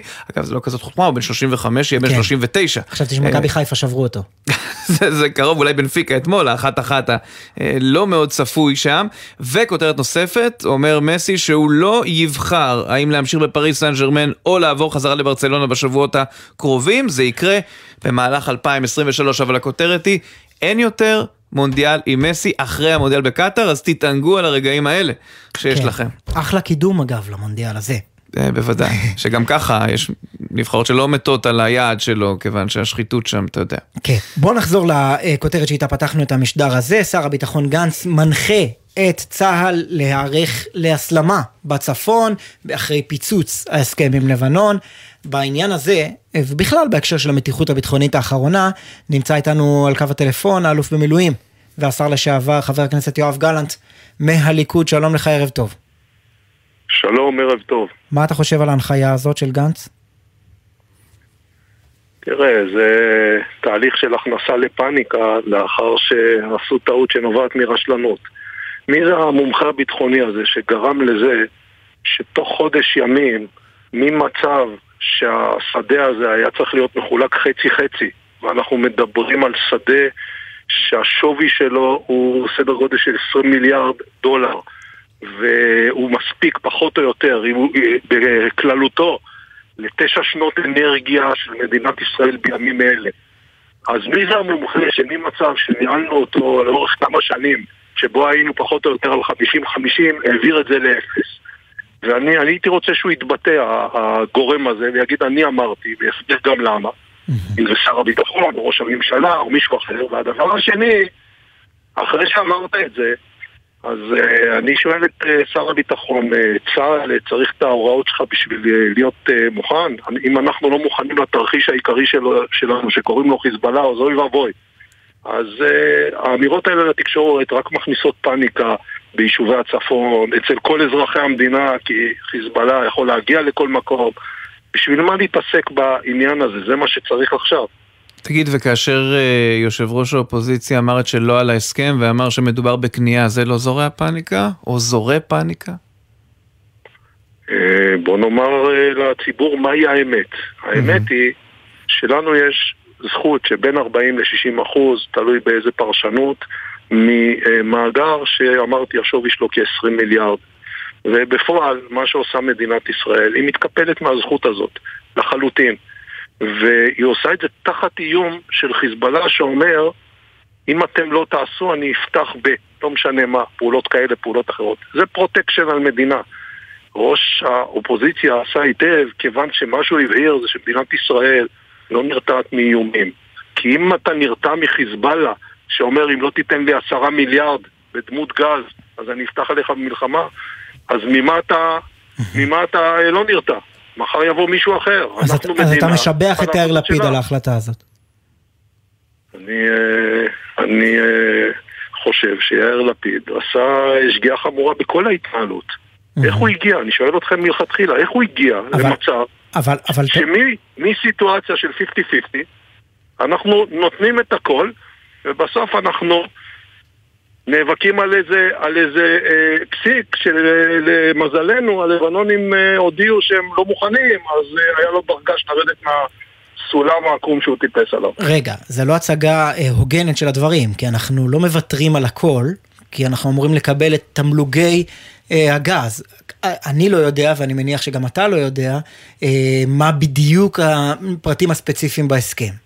אולי זה הוגן, אולי זה שווה לנו. הפרטים. בואו אני אגיד לכם מה הפרטים, אני אגיד גם לציבור.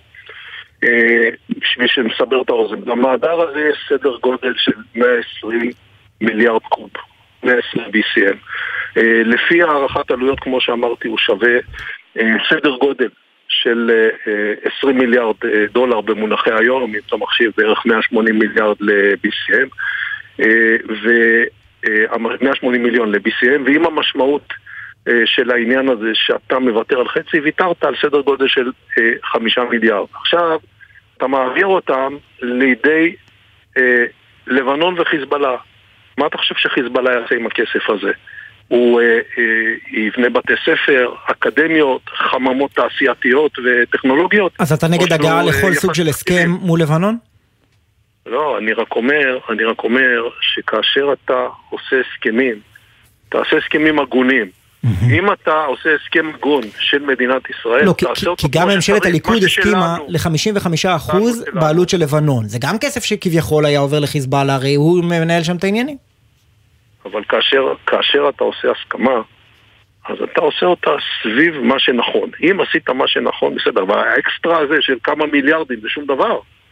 עכשיו, אה, אני אגיד לך משהו, בהסכם, למיטב ידיעתי, במה שמוצג כעת בממשלה, לא מופיע מהו התקבול, באחוזים, בפרטים, בשקלים או בדולרים. המשמעות של העניין הזה זה שזה משהו שנשאר לעתיד, ואנחנו יודעים איך הדברים האלה נראים. כששוכחת הסערה התקשורתית, לא יוצא מהעניין הזה שום דבר. עכשיו, הדבר הכי משמעותי פה, זה שלא אני אומר את זה, וגם לא הליכוד אומר את זה, האמריקאים אומרים את זה. שגרירם לשעבר אומר את זה. אנחנו יודעים בדיוק שהם היו מעורבים, אנחנו היינו מעורבים בקבינט. איך הגענו לסיטואציה הזאת? תעלו את המומחה שאמר, זה שווה עכשיו אפס למדינת ישראל, או אפס פלוס משהו של niceties. אה, והוא קרא את ההסכם? כי אני לא יודע אם אתה קראת. אני בוודאי לא קראתי. אז למי להאמין? לא קראתי. אני לא קראתי את ההסכם, אבל אני יודע על מה מדובר. איך אתה יודע? אתה מוכן לספר לנו? אני לא, ואני אגיד לך יותר מזה. אה, אני לא שואל אותך מה המקורות שלך, אתה תשאל אותי מה המקורות שלי. fair enough, לא, אבל מה שאתה בעצם אומר זה שהשרים לא, שלנו מתבקשים, השרים שלנו מדווחים על הסכם, שבו לא מספרים להם מה הדיל בעצם מול לבנון, כמה לבנון תעביר לנו נכון, מתקבולים. ההסכם עצמו, ההסכם עצמו, בתוכו, איננו כולל את האחוז או את התגמול, או את ההיקף של ישראל, רק מצוין שהיא תקבל פיצוי. ואני חושב שקודם כל, בדיוק בשביל זה נועד החוק, שבא ואומר, רבותיי, העברת טריטוריה ריבונית של מדינת ישראל, כולל בים, מחייבת אישור של שני שליש מהכנסת, קרי 80 חברי כנסת בכנסת מלאה, או לחליפין העברתו למשאל עם. כן. את זה אי אפשר לאכוף, זה חוק. אני לא מבין איך התהליך הזה נעשה. אה, על זה יש דיון משפטי נפרד אצל היועץ המשפטי לממשלה, אה, אם לא, אני מבין לא נכון, האם המים הכלכליים נחשבים שטח ריבוני לצורך הדבר הזה. אבל בוא נניח את הדיון הזה רגע בצד, ואני רוצה לשאול אותך, בסוף ההתפתחויות הלכו אחרת. בסוף הלבנונים הביעו את ההסתייגויות, ממשלת ישראל דחתה אותן, ועכשיו שר הביטחון מנחה להיערך להסלמה בצפון. אתה, אם היית שר ביטחון, היית מנחה אחרת? אני לא הייתי מדליף את זה לתקשורת בתדרוך. ואם זו לוחמה פסיכולוגית כדי להלחיץ את המערכת לא, בלבנון? זה, תשמע, יש דרכים, תאמין לי, יש דרכים רבות להעביר לחיזבאללה, לחמאס ולאחרים כל מה שאנחנו רוצים. הם מבינים מה שאנחנו אומרים להם. לא חסרים ערוצי תקשורת. להכניס את כל המערכת הזאת לפאניקה בשביל להסביר ששר הביטחון הוא גיבור והוא מחליט והוא אומר לצה"ל מה לעשות, זה דבר מיותר. זה חטא על פשע על הטעות שעשה לפיד לפניו, כשהוא בכלל נכנס לתוך המהלך המפוברק הזה. ועכשיו, כשאנחנו נמצאים בסיטואציה הזאת, זה הדבר הכי מיותר. נניח שהמצב הוא נפיץ, אז עכשיו אתה חושב שאתה מרתיע אותם באמצעות הדבר הזה? הם לא מבינים שאתה מוכן. אז ל- אתה חושד טיפה זה שמה, שבני גנץ עושה פה פוליטיקה? ברור. חד וחלק. מה כל כך מסובך? תשאלו את החברים שלכם שהיו אצלו בתדריך או אצל הדובר שלו. ושתשאלו אותם מה הוא אמר להם. אבל אתה... צריך, צריך להעביר את זה דרך הציבור בשביל שמפקד חיל האוויר או חיל הים או אה, מישהו אחר יהיו מוכנים? זה בדיחה. אבל אתה המון שנים אה, נמצא במערכת הפוליטית, ולפני כן היית המון שנים במערכת הצבאית. אתה מכיר את האנשים.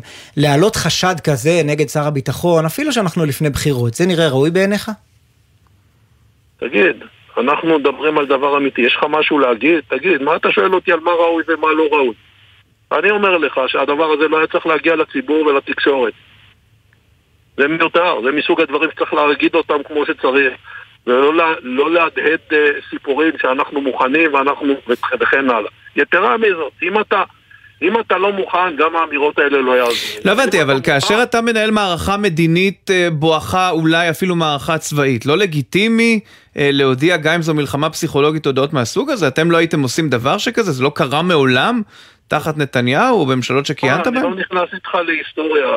אנחנו מעולם לא מסרנו שטח משטחי המדינה בצורה הזאת. זה בטח לא היה קורה. והדבר השני, זה תהליך. הליכוד מעולם לא מסר שטח משטחי המדינה? לעולם? אני חושב, לא בצורה הזאת. חד צדדית, אפס אחוז, שום דבר. ההתנתקות הייתה את זה, התנתקות חד צדדית שיזם הליכוד. אולי, אולי תשווה את זה להסכם השלום עם אה, מצרים, הרי תופי המלחמה הדהדו בשנת אה, 77 אה, לפני שבגין נבחר והסבירו שעוד שנייה יהיה מלחמה כי בגין ייבחר. שנה אחרי זה קיבלנו את הגדול שבאירועים ה... אה, אירועים האסטרטגיים. וגם את הגדולה שבנסיגותינו, אני רק אומר שהליכוד אכן ויתר על שטח- שטחים ריבוניים של מדינת ישראל, והרבה, הכי הרבה. אה, עם כל הכבוד, התהליך הזה הוא תהליך של כניעה תחת לחץ. זה הסיפור. כניעה תחת לחץ. קם נסראללה אומר אני אביא מלחמה, אם לא תשלמו לי, אני פותח, משלמים לי. חמור מאוד.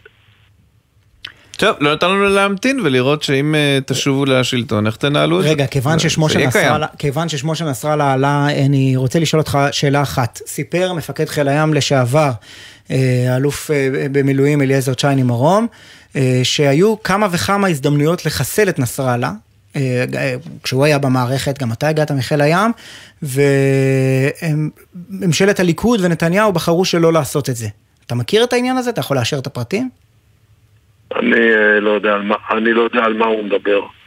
אה, אני אה, יכול לומר לך דבר אחד. אני חושב שהייתי מעורב ביותר פעולות, פעולות סיכול בתפקידים שונים, ממבצע ועד שותף להחלטות ודרך אה, מאשר, יותר מאשר רוב האנשים שמסתובבים בפוליטיקה הישראלית. מעלי חסן סלאמה בשנת 79, בינואר 79, אחרון הרוצחים של מינכן, שהיה לי הזכות אה, להשתתף עם אנשי המוסד בתהליך הזה, ועד ימינו אנו. אה, ולכן אני מעדיף קודם כל לבצע, אחרי זה לדבר, ולא להתעסק במה היינו עושים ומה לא היינו עושים, בכל מיני אה, דברים של אנשים שברוב הפעמים עסקו בעניין הזה באופן תיאורטי בלבד. אלוף במילואים, השר לשעבר, חבר הכנסת יואב גלנט, מהליכוד, תודה רבה לך. תודה לכם, ערב טוב. אתה יודע שאני לא אוהב את אה, קרבות החתול והעכבר, כי יכולנו להעלות והעלית יפה את העניין, אה, העניינים הנוספים שעמדו על הפרק בעניין הליכוד, אבל צריך לומר, גם מסירת חברון לפלסטינים, על הסכם שאומנם, אתה יודע, הסכם הוא מוואי. כתוצאה, כן, אבל זה, וגם הכניעה למגנומטרים, וכל הדברים האלה בסופו של דבר, תשמע, אה, כשאתה בשלטון, מה שאתה רואה, אתה יודע, אמר כבר אריק שרון. ניסח את זה יפה, כן?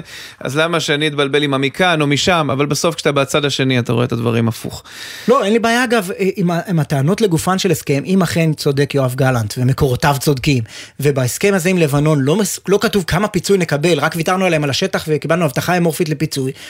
לי זה נשמע, כ- כאזרח מן השורה שלא בקיא ולא רגיל בפרטי ההסכם, כן. זה נשמע בעייתי, זה נשמע כמו ויתור. ויתור על, על, על לגמרי, על, רק שאין לנו דרך לדעת. אינטרסים, נכון. בניגוד להסכמי שלום נכון, שראינו מול אבל אני העיניים. אומר, לגוף הטענות אין בעיה, אבל לעלות לשידור ולומר שהליכוד לא אה, ויתר מעולם על שטחים ריבוניים בצורה כזאת, לשר ההיסטוריה יש טענות בהקשר. הזה. טוב, כמה הודעות? וחוזרים עם דברים קצת יותר אה, רגועים.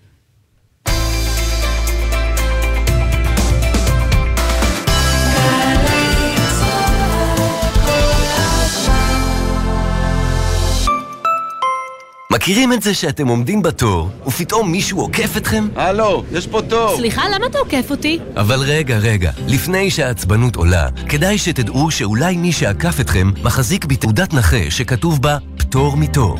הפטור ניתן לאנשים עם מוגבלויות שלא תמיד נראות לעין, אבל שיש להם סיבה טובה להיות לפניכם בתור. ולכם? לכם יש סיבה טובה להיות רגועים. רוח לאומי לצדך, ברגעים החשובים של החיים. סוכות במוזיאון אגם ראשון לציון. סיורים מודרכים ברוח החג גם למשפחות. סדנות יצירה קינטיות לילדים ועוד. מוזיאון אגם. פרטים באתר ובפייסבוק. ייי, חגי תשרי! בואו להיות תל אביבים לכמה ימים ולחגוג איתנו את השנה החדשה. תל אביב יפו מזמינה אתכם להתחיל באחד מסיורי החג, להמשיך ליוגה בחוף גורדון, לטייל במוזיאונים ובאטרקציות ולסיים בקוקטייל על אחד הברים בדיזנגוף. וכשתתעייפו, תוכלו לבלות את הלילה באחד המלונות שיש לעיר הזאת להציע ולהתחיל שוב בבוקר. חגי תשרי בתל אביב יפו, הטבות במוזיאונים, במלונות ובסיורים עירוניים. למידע ייכנסו לויזית tlv.co.il איפה עושים השנה את החג? אני לא יודעת, אני ממש לא רוצה ששוב נתפצל. אז נלך לבית הכנסת הרפורמי? השנה חוגגים את החג באווירה ישראלית ופתוחה. התנועה הרפורמית. יהדות ללא מחיצות. חפשו ברשת. חגי תשרי בתנועה הרפורמית. שנה שווה ומתוקה. עכשיו בגלי צה"ל, ישי שנר ועידן קבלר.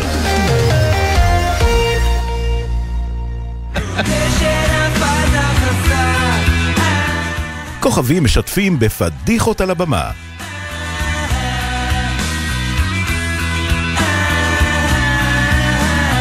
טוב עידן, כן. מדי שבוע בשבועו אנחנו מנצלים את השעה הזאת בשבוע כן. כדי לדבר כאן עם כל מיני, בדרך כלל זה אומני במה.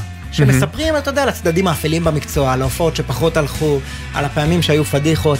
הפעם אה, הבמה קצת שונה, כי הבמה היא במה דיפלומטית. כן. נמצא איתנו יאקי דיין, לשעבר קונסול ישראל בלוס אנג'לס, וראש המטה של שני שרי חוץ, וגם בתחום הדיפלומטי, לא תאמין, יכולות לקרות אני פדיחות. בטוח, אני בטוח לחלוטין. יאקי, ערב טוב. ערב טוב חברים, ערב טוב. האמת שאפשר למלא תוכנית שלמה אם אתם רוצים בפדיחות.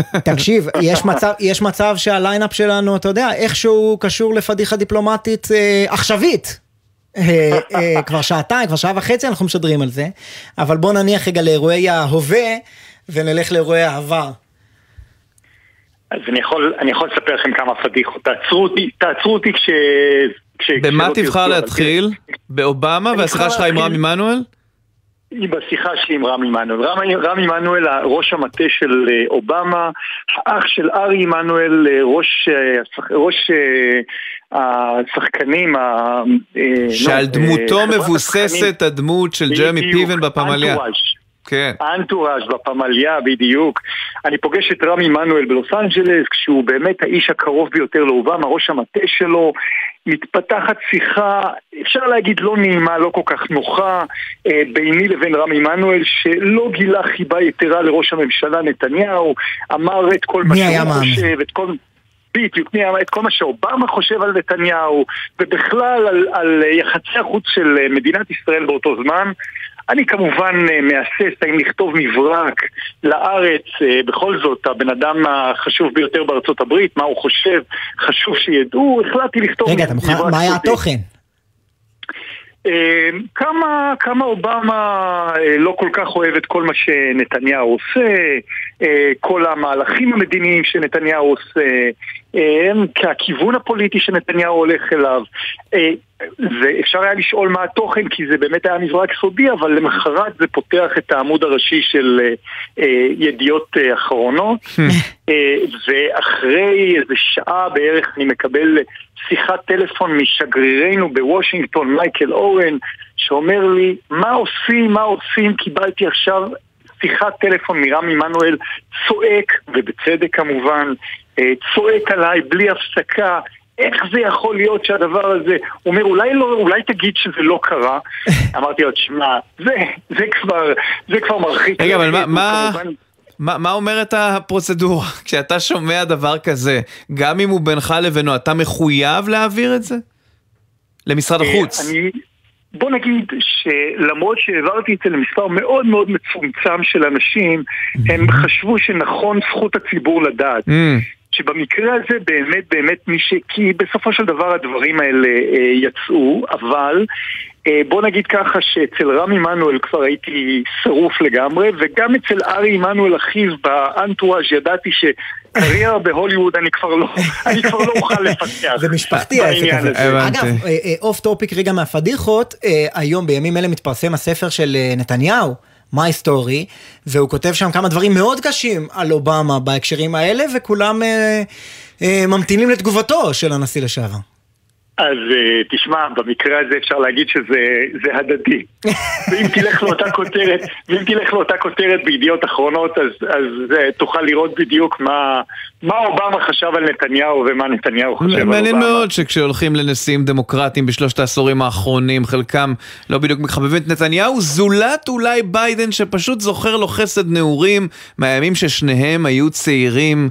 ועדיין אפורי שיער. אתם צודקים, אבל אתם יודעים, בדרך כלל השיחות האלה נוטות להיות דיפלומטיות, ורם עמנואל היה באמת בן אדם שלא לוקח שבויים, ואין לו בעיה לקלל בי ככה זה כשאתה ישראלי במקור ולא אמריקני. בדיוק, בדיוק, הוא הרגיש מאוד בנוח. אה, בוא נגיד שאני, את רם עמנואל מאז, כבר הרבה שיחות עומק לא היו לי איתו עם אה, רם עמנואל אחרי אותו מבן, וגם מייקל אורן היה לו קשה מאוד אה, להתאושש, לדעתי אפילו האפיזודה הקצרה הזאת מופיעה איפשהו בספר שלו, בספר שהוא פרסם, על הלחץ, הלחץ האדיר כשראש המטה של נשיא ארצות הברית מתקשר אליך בצרחות. וואו. לא, אתה יודע, אנחנו מתעסקים כאן בדרך כלל עם אומני במה, עם אה, אה, סטנדאפיסטים, זמרים, שמספרים איך הם מנסים להתרומם אחרי אה, פאנץ' או שיר שלא הצליח או משהו שכשל, וזה אירוע שבאמת קשה להתמודד איתו כשנשיא ארה"ב נכנס בך. ללא ספק, ללא ספק. אגב, היה לי אירוע דומה עם חבר של השליח האירופי, השליח, אז הייתי יועץ מדיני עוד בוושינגטון, והיה לי אירוע דומה עם אה, חבר של השליח האירופי, שהיה אז מיגל מורטינוס, בטח אף אחד לא זוכר אותו. השם זכור מהדורות החדשות, יש שמות שאתה זוכר. אבל הוא אמר מה הוא, ש... מה הוא חושב על אריאל שרון, וגם המברק הזה מצא... אה, מצא את, אה, את מקומו בסופו של דבר בעמודים הראשיים של אחד העיתונים, אני כבר לא זוכר איזה. בוא נגיד שמאותו יום אריאל שרון כבר לא פגש את השליח, אה. השליח האירופי, השליח האירופי, אבל זה, אתה יודע, מצד אחד זה מאוד מאוד מצער, מצד שני זה העבודה שלך, זה בעצם, כן. אה, אתה פה חצי עיתונאי, כי אתה חייב לשקף את מה שחושבים. כן. אספר לכם עוד לא... פדיחה אחת אוקיי, כן. מצחיקה מאוד אם יש לנו זמן, אתה יודע. בטח. הייתי ראש מטה באמת של, של שר החוץ, אז אה, סילבן שלום, אנחנו בעצרת האו"ם בניו יורק, אה, מחכים ככה בהפסקה, אה, מחכים מחוץ לחדר שלו, רון פרוסאור שהיום הוא השגריר בברלין, שאז היה מנכ"ל משרד החוץ, דני גילרמן שהיה אז השגריר לאו"ם, ואני מחכים, מחכים לשר החוץ שיצא, מחכים, מחכים, רואים שהוא כבר מאחר לצאת לפגישה עם שרת, לפגישה החשובה של שרת החוץ של לוקסמבורג. ואז אנחנו שואלים איפה שר החוץ, אמרו לנו, הוא כבר יצא מזמן. עכשיו, כששר החוץ יוצא, אתם צריכים להבין את האירוע בניו יורק, אי אפשר להצטרף אליו. כל העיר פקוקה לגמרי, אי אפשר לנוע בעיר, הכל חסום, יש שיירה מיוחדת, יש נתיב מיוחד בניו יורק של ראשי מדינות ואחרים כדי שיוכלו להגיע לפגישות. והפגישה הייתה, מה לעשות, 20 בלוקים אה, משם. אה, אני, אתה יודע, לא, לא חושב פעמיים.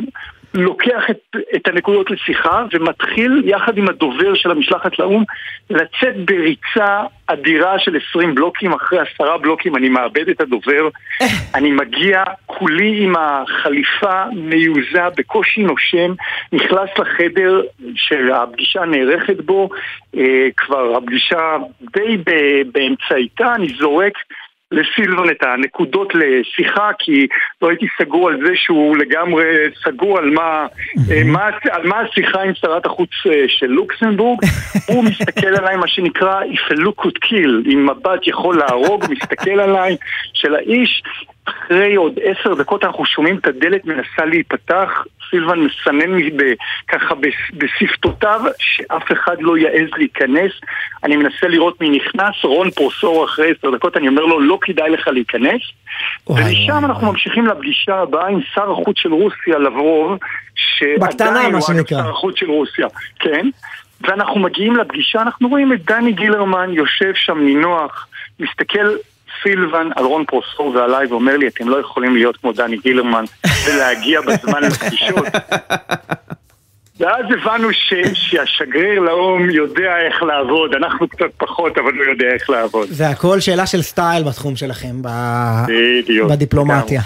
טוב, אין, אין, אה, אתה יודע, אין אה, תחום יותר אה, הצלחתך הצלחתנו וגם להפך מאשר ה... אה, לשמוע פדיחות מהדיפלומטיה, טוב שאתה יודע, זה הכל מאחורינו, אבל אני בטוח שגם היום יש דברים כאלה. תוכנית, וכשנרצה למלא תוכנית בפדיחות אז אין בעיה, גם את זה אפשר לעשות. רשמנו לפנינו. אה, יאקי דיין. וזה בהחלט אה, יחשב לנו לכבוד הדבר. עוד פדיחה פוליטית. מרץ מושכת את העתירה שלה בעליון מהפסילה של סילמן, אבל התנועה לאיכות השלטון מוסיפה להמשיך ו... תהיה שם ולא מושכת עתירתה ורוצה פסק דין. אולי זה ייגמר בפדיחה יותר גדולה. יאקי דיין, קונסול אה, ישראל בניו יורק, בלוס אנג'לס לשעבר, ראש המטה של שני שרי חוץ. תודה רבה. בשמחה, בשמחה, על השתתפותך האמיצה בפינתנו, לאמיצים בלבד, נפלת חזק. Uh, טוב, uh, מפלגת יש עתיד מסרו לנו תגובה לראיון עם יואב גלנט, שהוא קרא כאן, אמר, דיבר בגנות ההסכם שהושג עם לבנון, וגם אמר שתקף את שר הביטחון גנץ. אה, ואמר שהוא מכניס פאניקה מיותרת במערכת. אה, גלנט מדבר על נושאים שהוא לא מבין בהם, אומרים ביש עתיד, הוא לא מכיר את הפרטים ורק פוגע באינטרס, באינטרסים לאומיים רגישים, כל זאת בזמן שהוא ממשיך לשקר לציבור הישראלי כמעט בכל משפט. אנחנו מבינים את התסכול של חברי הליכוד שנאלצים להירמס על ידי נתניהו שמונע משיקולים אישיים בלבד, רק יש עתיד גדולה וחזקה וכולי וכולי, הקמפיין. טוב, זו תגובת אה, יש עתיד, אבל אנחנו חוזרים הישר אל מסלול הרכיבה. כן. הנינוח שנכנסנו אליו בתוכנית. כן, אז נדבר עם uh, רוכב אופניים. מה זה רוכב? אחד מגדולי הרוכבים שלנו, גיא שגיב, שרכב אתמול עם קריס פרום, אחד הרוכבים הגדולים בעולם, וזה קרה בכבישי ישראל בזמן שצמנו, ביום הכיפורים. שלום גיא. אהלן, ערב טוב. טוב, קודם כל תן לנו הקשר, מה, איך, ככה, מה, תן משהו. אה, כן, אז אה, כמו שאתם יודעים, יום כיפור זה היום, יום האופניים הלאומי, אפשר להגיד. אה, כל אחד שיש לו אופניים יותר משמח לצאת על הכבישים הרכים. והיה תזמון מושלם לקריס שהגיע ארצה לבצע כמה בדיקות רפואיות. ולידי ייפגש עם הבעלים של הקבוצה, סילבן אדמס. והתמזל מזלנו, וזה היה באמת בתאריך הזה, והצעתי לו לרכב איתי. אמרתי לו שזה יום מאוד מיוחד, ו... כדאי לצאת לאיזה סיבוב יפה. והוא קפץ על ההזדמנות, ובאמת עשינו סיבוב, הוא, הוא שוהה בתל אביב, mm-hmm. יצאנו צפונה בעצם אה, על כביש החוף, שבכל יום אחר מה כמי ששומר הלכה ביום כיפור ולא מבצע את המנהג, חשוב לי לשאול, הוא יהודי? לא, קריס לא יהודי. אבל יש לו לא, שם לא. יהודי, פרום. אה, לא יודע, הוא בחור מקניה, נולד בקניה. ייתכן שזה מקרי ביותר. כן. כן, כן טוב, אבל הוא, והוא הכיר את הקונספט שכבישי ישראל כל כך ריקים ביום כיפור, שזה חוויה לרוכבי אופניים? האמת שלא, הוא אמר לי שהוא שמע בימים שהוא הגיע לארץ, הוא שמע שזה הולך להיות יום כיפור והכל סגור, אבל הוא ציפה שזה יהיה משהו כמו יום שבת או יום ראשון בשאר העולם. שזה יהיה תנועה מצומצמת, אבל עדיין תנועה. אז כשאמרתי לו שאנחנו יוצאים על כביש החוף, זה בעצם כביש ראשי, אז הוא אמר לי, אתה כן. בטוח? אמרתי לו, כן, כן. ואז הוא יצא, הוא יצא מתל אביב, הוא הבין על מה מדובר, הוא היה בשוק. אגב, טוב שהוא שאל, מכיוון ש-285 בני אדם נזקקו לטיפול רפואי עקב פציעות מרכיבה על אופניים, גלגיליות, גלגינועים וסקטבורדים. זאת אומרת, הדבר הזה, למרות שהוא פנוי לגמרי, עדיין מצריך זהירות. לכם היה פנוי וכיף לגמרי הכל? כן, אנחנו רוכבים אה, ביום-יום, אנחנו לא כאלה שמוצאים את האופניים פעם בשנה מהמחסן. אנחנו די, אה, די מיומנים, אה, תאונות כאלה פחות קורות לנו. ואיך החוויה לרכוב עם רוכב מה- מהטופ העולמי? הוא בעצם חבר קבוצה שלי, אנחנו רוכבים באופן קבוע כמעט ביחד. זה לא משהו חדש לי, אבל תמיד נחמד להראות לו את ישראל, וזו פעם ראשונה שאנחנו רוכבים אחד על אחד בעצם פה בישראל, רק אני והוא. בדרך כלל זה היה עם כל שאר הקבוצה, אז זה פחות אה, מה שנקרא אינטימי. כן. הפעם זה באמת היה, היה לנו שש שעות אה, רק שלנו לבד. תגיד. היה רעיון של סילבן אדמס או של הקבוצה להקים טור דה פרנס חליפי? היה משהו כזה? שדובר בו בעת האחרונה? או שאתם ממשיכים בתחרויות הרגילות? לא, לא, אנחנו ממשיכים בתחרות האחרונות כמובן. אני גם שמעתי את אותה שמועה. אה, אני, בוא נראה לאן זה יתקדם, אבל אני לא מאמין שייצא משהו ב, בכיוון הזה. אנחנו בעידן של חליפיות, לכל דבר כן. צריך להיות משהו חליפי. ועד זה כ- גם נכון. ו- ועד כמה... בעצם מה כאב הראש הבא שלכם? מה התחרות הבאה שלכם? למה אתם מתכוננים? אז עכשיו זה ממש השבועות האחרונות של, ה, של העונה. אה, העונה מסתיימת עוד כשבועיים, ו, ואז יוצאים לפגרה. אה, ו, וזהו, מתכוננים לעונה הבאה, לוקחים קצת איזה חופש אה, פיזי ומנטלי, לא פחות חשוב. ובעצם מתכוננים לעונה הבאה. בעצם התחרויות המרכזיות שלכם זה הטור דה פרנס, הג'ירו דה איטליה, נכון? כן, לגמרי. זה התחרויות הכי גדולות ב- בלוח, אבל יש עוד הרבה מרוצים כמובן. יום, אה, יום שבת הזה יש את, ה, את, ה- את התחרות בסבב הוולטור האחרונה באיטליה, נקרא ג'ירו די לומברדיה, שזה מרוץ חד יומי, אה, ובעצם זה סוגר את סבב הוולטור לעונה. גיא שגיב, אה, הולך לעשות חיים בג'ירו דה לומברדיה, אנחנו נאחל לך הצלחה, תודה על הסיפורים. תודה רבה, בכיף, ערב טוב שיהיה. ערב מצוין. חוזרים אל שחר גליק, כתב התחום הפוליטי, הישר מבג"ץ. שחר, אתה- שם, אתה- שחר? אתה הרי דיווחת לנו... בית המשפט העליון אה? נגיד, כן. בית כן, לא, המשפט אתה- אתה העליון, התח- הדיונים של בג"ץ. אמר- אתה כתבת לנו שגבי לסקי אמרה, חבר'ה, זה הולך להיות פדיחה. אז הם ניסו להציל את עצמם מהפדיחה. נכון מאוד, אז ממש אה, לפני כמה דקות מפלגת מרצ מודיעה לשופטים שהם מקבלים את ההמלצה שלהם, הם מושכים את העתירה אה, שהם הגישו, את הערעור שהם הגישו אה, בקריאה לפסול את עידית סילמן מריצה ברשימת הליכוד. קודם באמת ראינו את חברת הכנסת גבי לסקי יוצאת החוצה, מתייעצת עם אנשי מרצ ואומרת להם בטלפון, תקשיבו, הגיע הזמן שנמשוך את העתירה, זה יכול להיות פדיחה גדולה.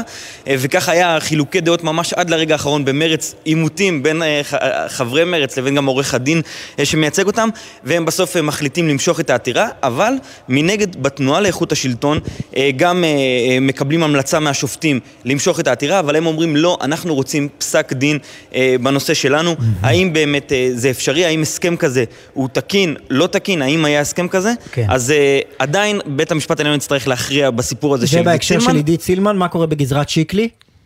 זהו, אז ממש ברגע זה מתחיל הדיון אה, לגבי עמיחי שיקלי, אה, ונצטרך, אה, יצאנו החוצה בשביל לדווח לכם, אבל נצטרך לשמוע מיד, מה, מה אומרים שם הדיווחים מבפנים אומרים. שבליכוד מתנצלים על הביקורת נגד השופט עמית. זאת אומרת, הם בעצם מטיחים האשמות רק כדי שיוכלו להתנצל אחר כך.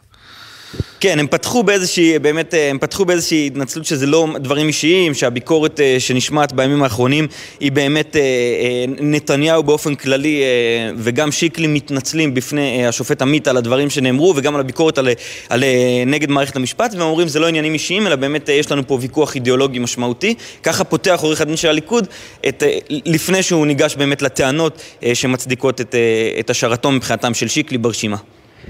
שחר גליק, כתב התחום הפוליטי, תודה רבה. תודה. ולפני שאנחנו מסיימים, מהמם. ועוד נדבר פה קצת אה, כן. בהמשך, אנחנו אה, נוהגים לתת פה המלצות אה, לקראת סוף השבוע, בכל זאת תוכנית של יום חמישי. סוף שבוע ארוך למי- גם. מי שאיבד גם את הספירה של הימים, אנחנו כן. נמצאים ביום חמישי. נכון. מחר יום שישי, שבת, ואז שוב ערב חג, אגב, יום ראשון.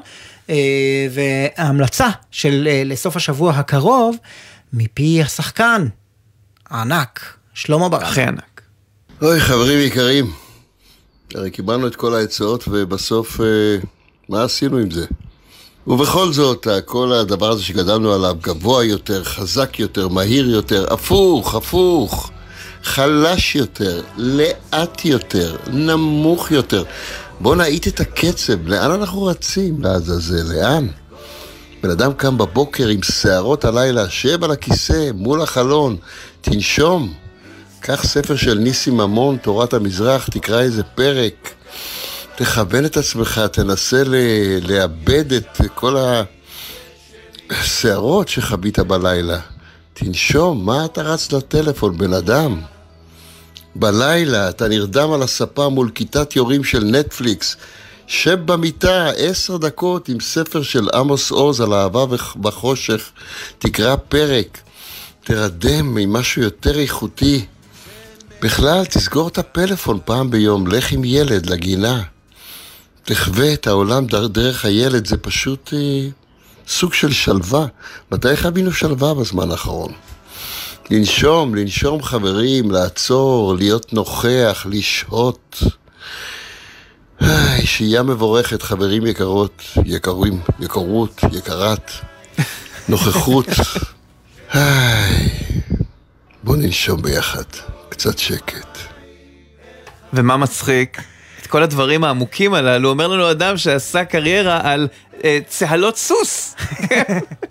אבל הוא ענק, ואני מתחבר... עכשיו הוא רוצה לנשום. כן, כן. שמעת את ההנחה שלו בסוף, זה היה מכל הלב. אני כל כך מתחבר למה שברבא אומר. תשמע, אפשר ללכת ולקרוא את ניסים ממון, אבל באופן כללי, גם אם אתה עושה נשימות באופן נורמלי וקורא לזה מדיטציה, אתה נרגע. אתה יודע למה אנשים מכורים לסיגריות? זה לא רק הניקוטין, זה העניין שאתה עושה שאיפה כל כך עמוקה של אוויר, שאם תעשה את זה גם בלי הסיגריה, אתה לא עושה את זה עם סיגריה, גם אני לא. אבל אם עושים את זה, אפשר להירגע גם ככה. אז אני ממש מתחבר למה שברבא אמר, לנשום.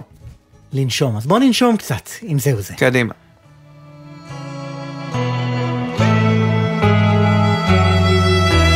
נעצום עיניים רק ליום שלא נראה איך גויים המים, איך חכם טועה נצטרף לשמש העולה כל כך גדולה יש עוד יש שמיים, יש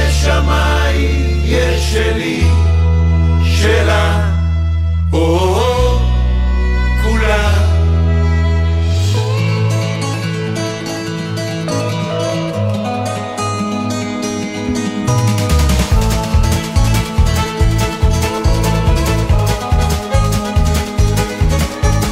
שמש שמש בא בימים יש חלום שלא חולמים. יש מקום אליו גם לא הולכים לבד אחד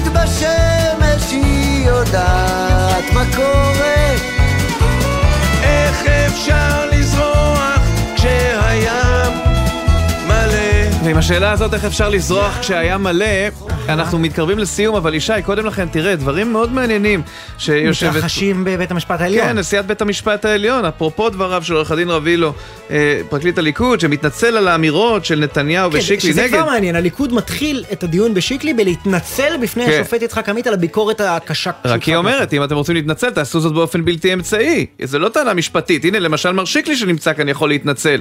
אבל זה לא קרה, ונתניהו גם לא התנצל. כלומר, הוא חתום על ההתנצלות בשם העורך דין, אבל הוא לא קם בעצמו באולם והתנצל?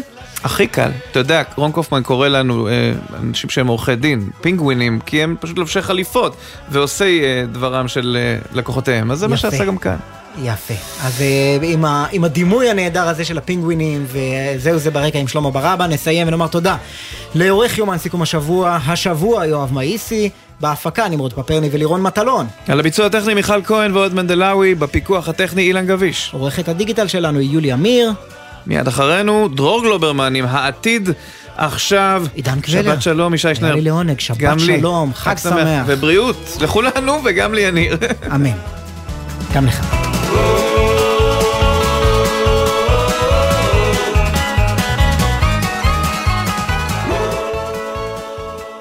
בחסות הפניקס סמארט, המעניקה עד 45% הנחה בביטוח המקיף. כוכבית 5432, או חפשו הפניקס סמארט בגוגל. כפוף לתקנון המבצע, הפניקס חברה לביטוח בע"מ. בחסות אייס, המציעה את אייס סייל. עד 50% הנחה במחלקת ריהוט הגינה והמרפסת. אז למה להישאר בפנים? בסניפים ובאתר, אייס.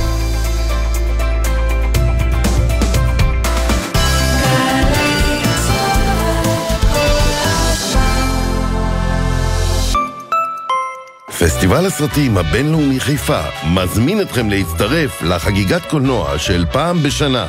סרטים זוכי פרסים מכל העולם מחכים לכם. מכירת הכרטיסים החלה. נתראה בחיפה, 8 עד 17 באוקטובר, סוכות. להזמנות חייגו כוכבית 9300 או ייכנסו לאתר הפסטיבל. עמיתי מועדון חבר, כל דגמי סובארו בהטבות מיוחדות בשבילכם, עד 28 באוקטובר. לפרטים חייגו כוכבית 8545, או ייכנסו לאתר מועדון חבר. חבר זה הכל בשבילך,